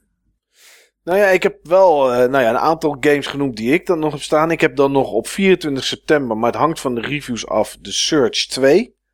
Eh, daar ben ik, de eerste, eerste vond ik wel tof, dus ik ben wel benieuwd wat, eh, wat deze doet. Een week later komt Code Veen uit. Nou goed, dat, die is afgevallen. Dus de Search 2 is daardoor iets omhoog gegaan. Eh 8 november, ondanks dat ik er helemaal niets mee heb. En ik denk dat het verschrikkelijk wordt en helemaal niks aan. Wil ik er toch bij zijn. Dus op 8 november koop ik Death Stranding. Ik, eh, Oh ja. ik, ik heb nou, tot nu toe nog helemaal niets gezien dat ik denk, dit is gaaf en daarom wil ik het hebben. Maar toch, ja, het is, er is zoveel hype bij heel veel mensen en zoveel, ja, er is zoveel om te doen om die titel dat ik denk, oké, dat wil ik, eh, dat wil ik toch wel proberen. Kijken wat het is. Nou ja, 22 november dan inderdaad Doom Eternal. Eh, in het vierde kwartaal van het aankomende jaar komt ook nog Luigi's Mansion 3. Als het goed is. Oh, die was ik vergeten. Ja. Ja, dus die, eh, die wil ik zeker, eh, zeker halen. Ehm, en er zijn vier titels die, als het goed is, nog in 2019 uitkomen. Maar waar we nog niet iets voor de rest iets van gehoord hebben. Ik denk ook dat ze het niet gaan halen. Maar goed, mochten ze nog uitkomen, dan kijk ik er zeker, eh, zeker geïnteresseerd naar. Dat is Shantae 5. Er zit voor de rest nog geen subtitel aan, maar de vijfde Shantae-game. Eh, Divinity Fallen Heroes van de makers van Divinity Original Sin. Dat zou een eh, real-time strategy game zijn. Griftlands, daar hebben we het over gehad eh, tijdens de E3-uitzending. Dat is die soort Slay Spire-achtige game, zeg maar. Met die gasten in die tavern en dan met meerdere tegenstanders en meerdere spelers. Ehm, dus daar kijk ik nog wel naar uit. En eventueel, als die nog komt, Trine 4, The Nightmare Prince. Maar goed, dan moet dat wel net zo leuk zijn als 2 en niet als 3. Want anders dan, uh, dan, hoeft het, uh, dan hoeft het niet. Nee. Dus dat zijn inderdaad de games waar ik dit jaar nog naar uitkijk. Of denk dat het misschien interessant is. En dat is in september best wel heftig eigenlijk. 10 september Gears, 13 september Borderlands 3, 20 september Link, Link's Awakening en 24 september The Search 2. Ja, heftig maandje. Ja, je leest elk jaar dat het jaar daarna waarschijnlijk het drukste jaar ooit wordt. Ja. Dat was in 2016 en dat was het jaar waar volgens mij... Nee, kwam Breath of the Wild in 2016 of 17 uit? 17 2017, want de Switch is twee jaar nu. Ja, precies. Ja. En toen uh, was het ja wacht maar, volgend jaar, dat wordt het drukste jaar. En ja. Toen komt ook uh, uh, Monster Hunter World en dat soort titels, zeg maar. Ja. En toen kwam, was het 2018 en dat was ook een heel druk jaar. En, Zeker. Maar als je dan keek naar wat komt er nog, leek 2019 nog een drukker jaar. Ja. En ik moet ook wel zeggen, ik moet, de eerste helft van het jaar was niet zo heel druk. Maar de tweede Nee. helft is wel best wel uh, dicht bezaaid. Ja, ja. Ja, dat is het best wel. En eh, ondanks dat, we, dat iedereen het gevoel heeft, tenminste de mensen die ik spreek, dat dit jaar echt een tussenjaar is, zeg maar. Dat het niet zo'n geweldig jaar is. Maar er komen toch best wel een hoop uh, games uit die in ieder geval mijn interesse wekken. Ja. En dan weet ik niet of ze ook echt goed zijn. Dat is dan weer een ander dingetje natuurlijk. Maar ja, het scheelt gewoon dat ik Gears 5 en die Outer Worlds, dat ik dat niet hoef te kopen ook. Dat zit gewoon in de Game Pass. Dus wat dat betreft is dat wel, is dat wel lekker. Ja, goed. Weet je, Doom Eternal straks, 22 november. Ja, dat ga ik toch echt wel heel hard spelen. Ja, ja, ik ook. Ik denk dat dat wel zo'n titel is. Wat ik ook maar aan het doen ben op die dag, of op die tijd, of in die week. Dat leg ik aan de kant voor Doom Eternal. Ja, ja, ja, dat denk ik ook. Want die vorige was echt geweldig. Ja. Nou ja, misschien is dat een game nieuws waar we het dan tegen die tijd de Club Buttonbashers over kunnen hebben. Dat zou natuurlijk wel. Uh, interessant zijn. Ja. Net zoals Gears 5. Ja, goed, dat, uh, dat moeten we maar eens even bekijken tegen die tijd.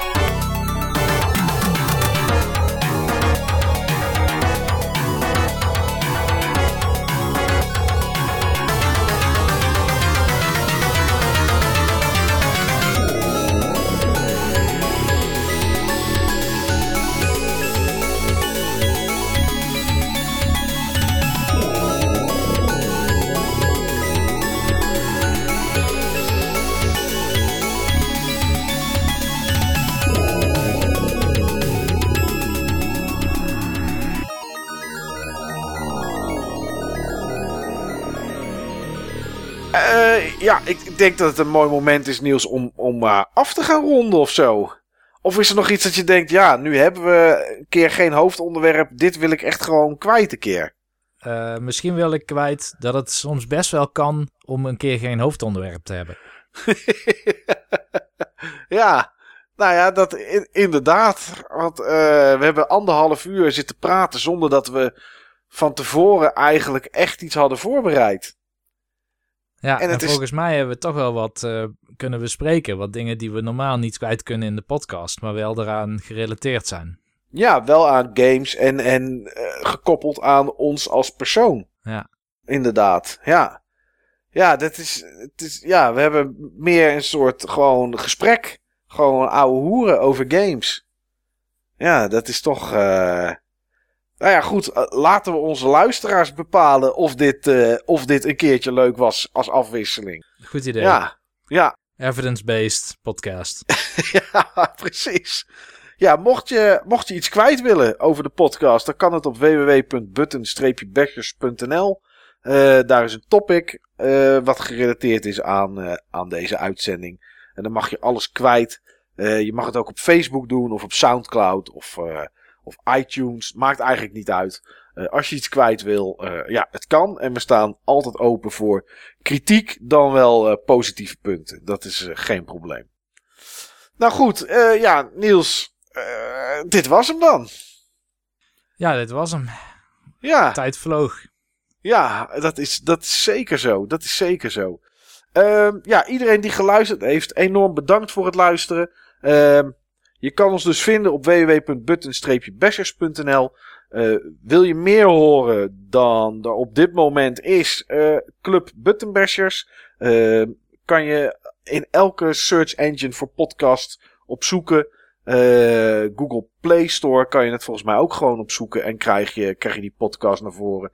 Als je wil horen hoe onze Half-Life 2 er ervaringen zijn geweest. Of misschien een van die andere games waar we het over gehad hebben. En uh, ja, de, volgende reguliere podcast van, uh, van ons, drie, waar Steve dan wel weer bij zal zijn. Die zal in ieder geval gaan over uh, light gun games, denk ik.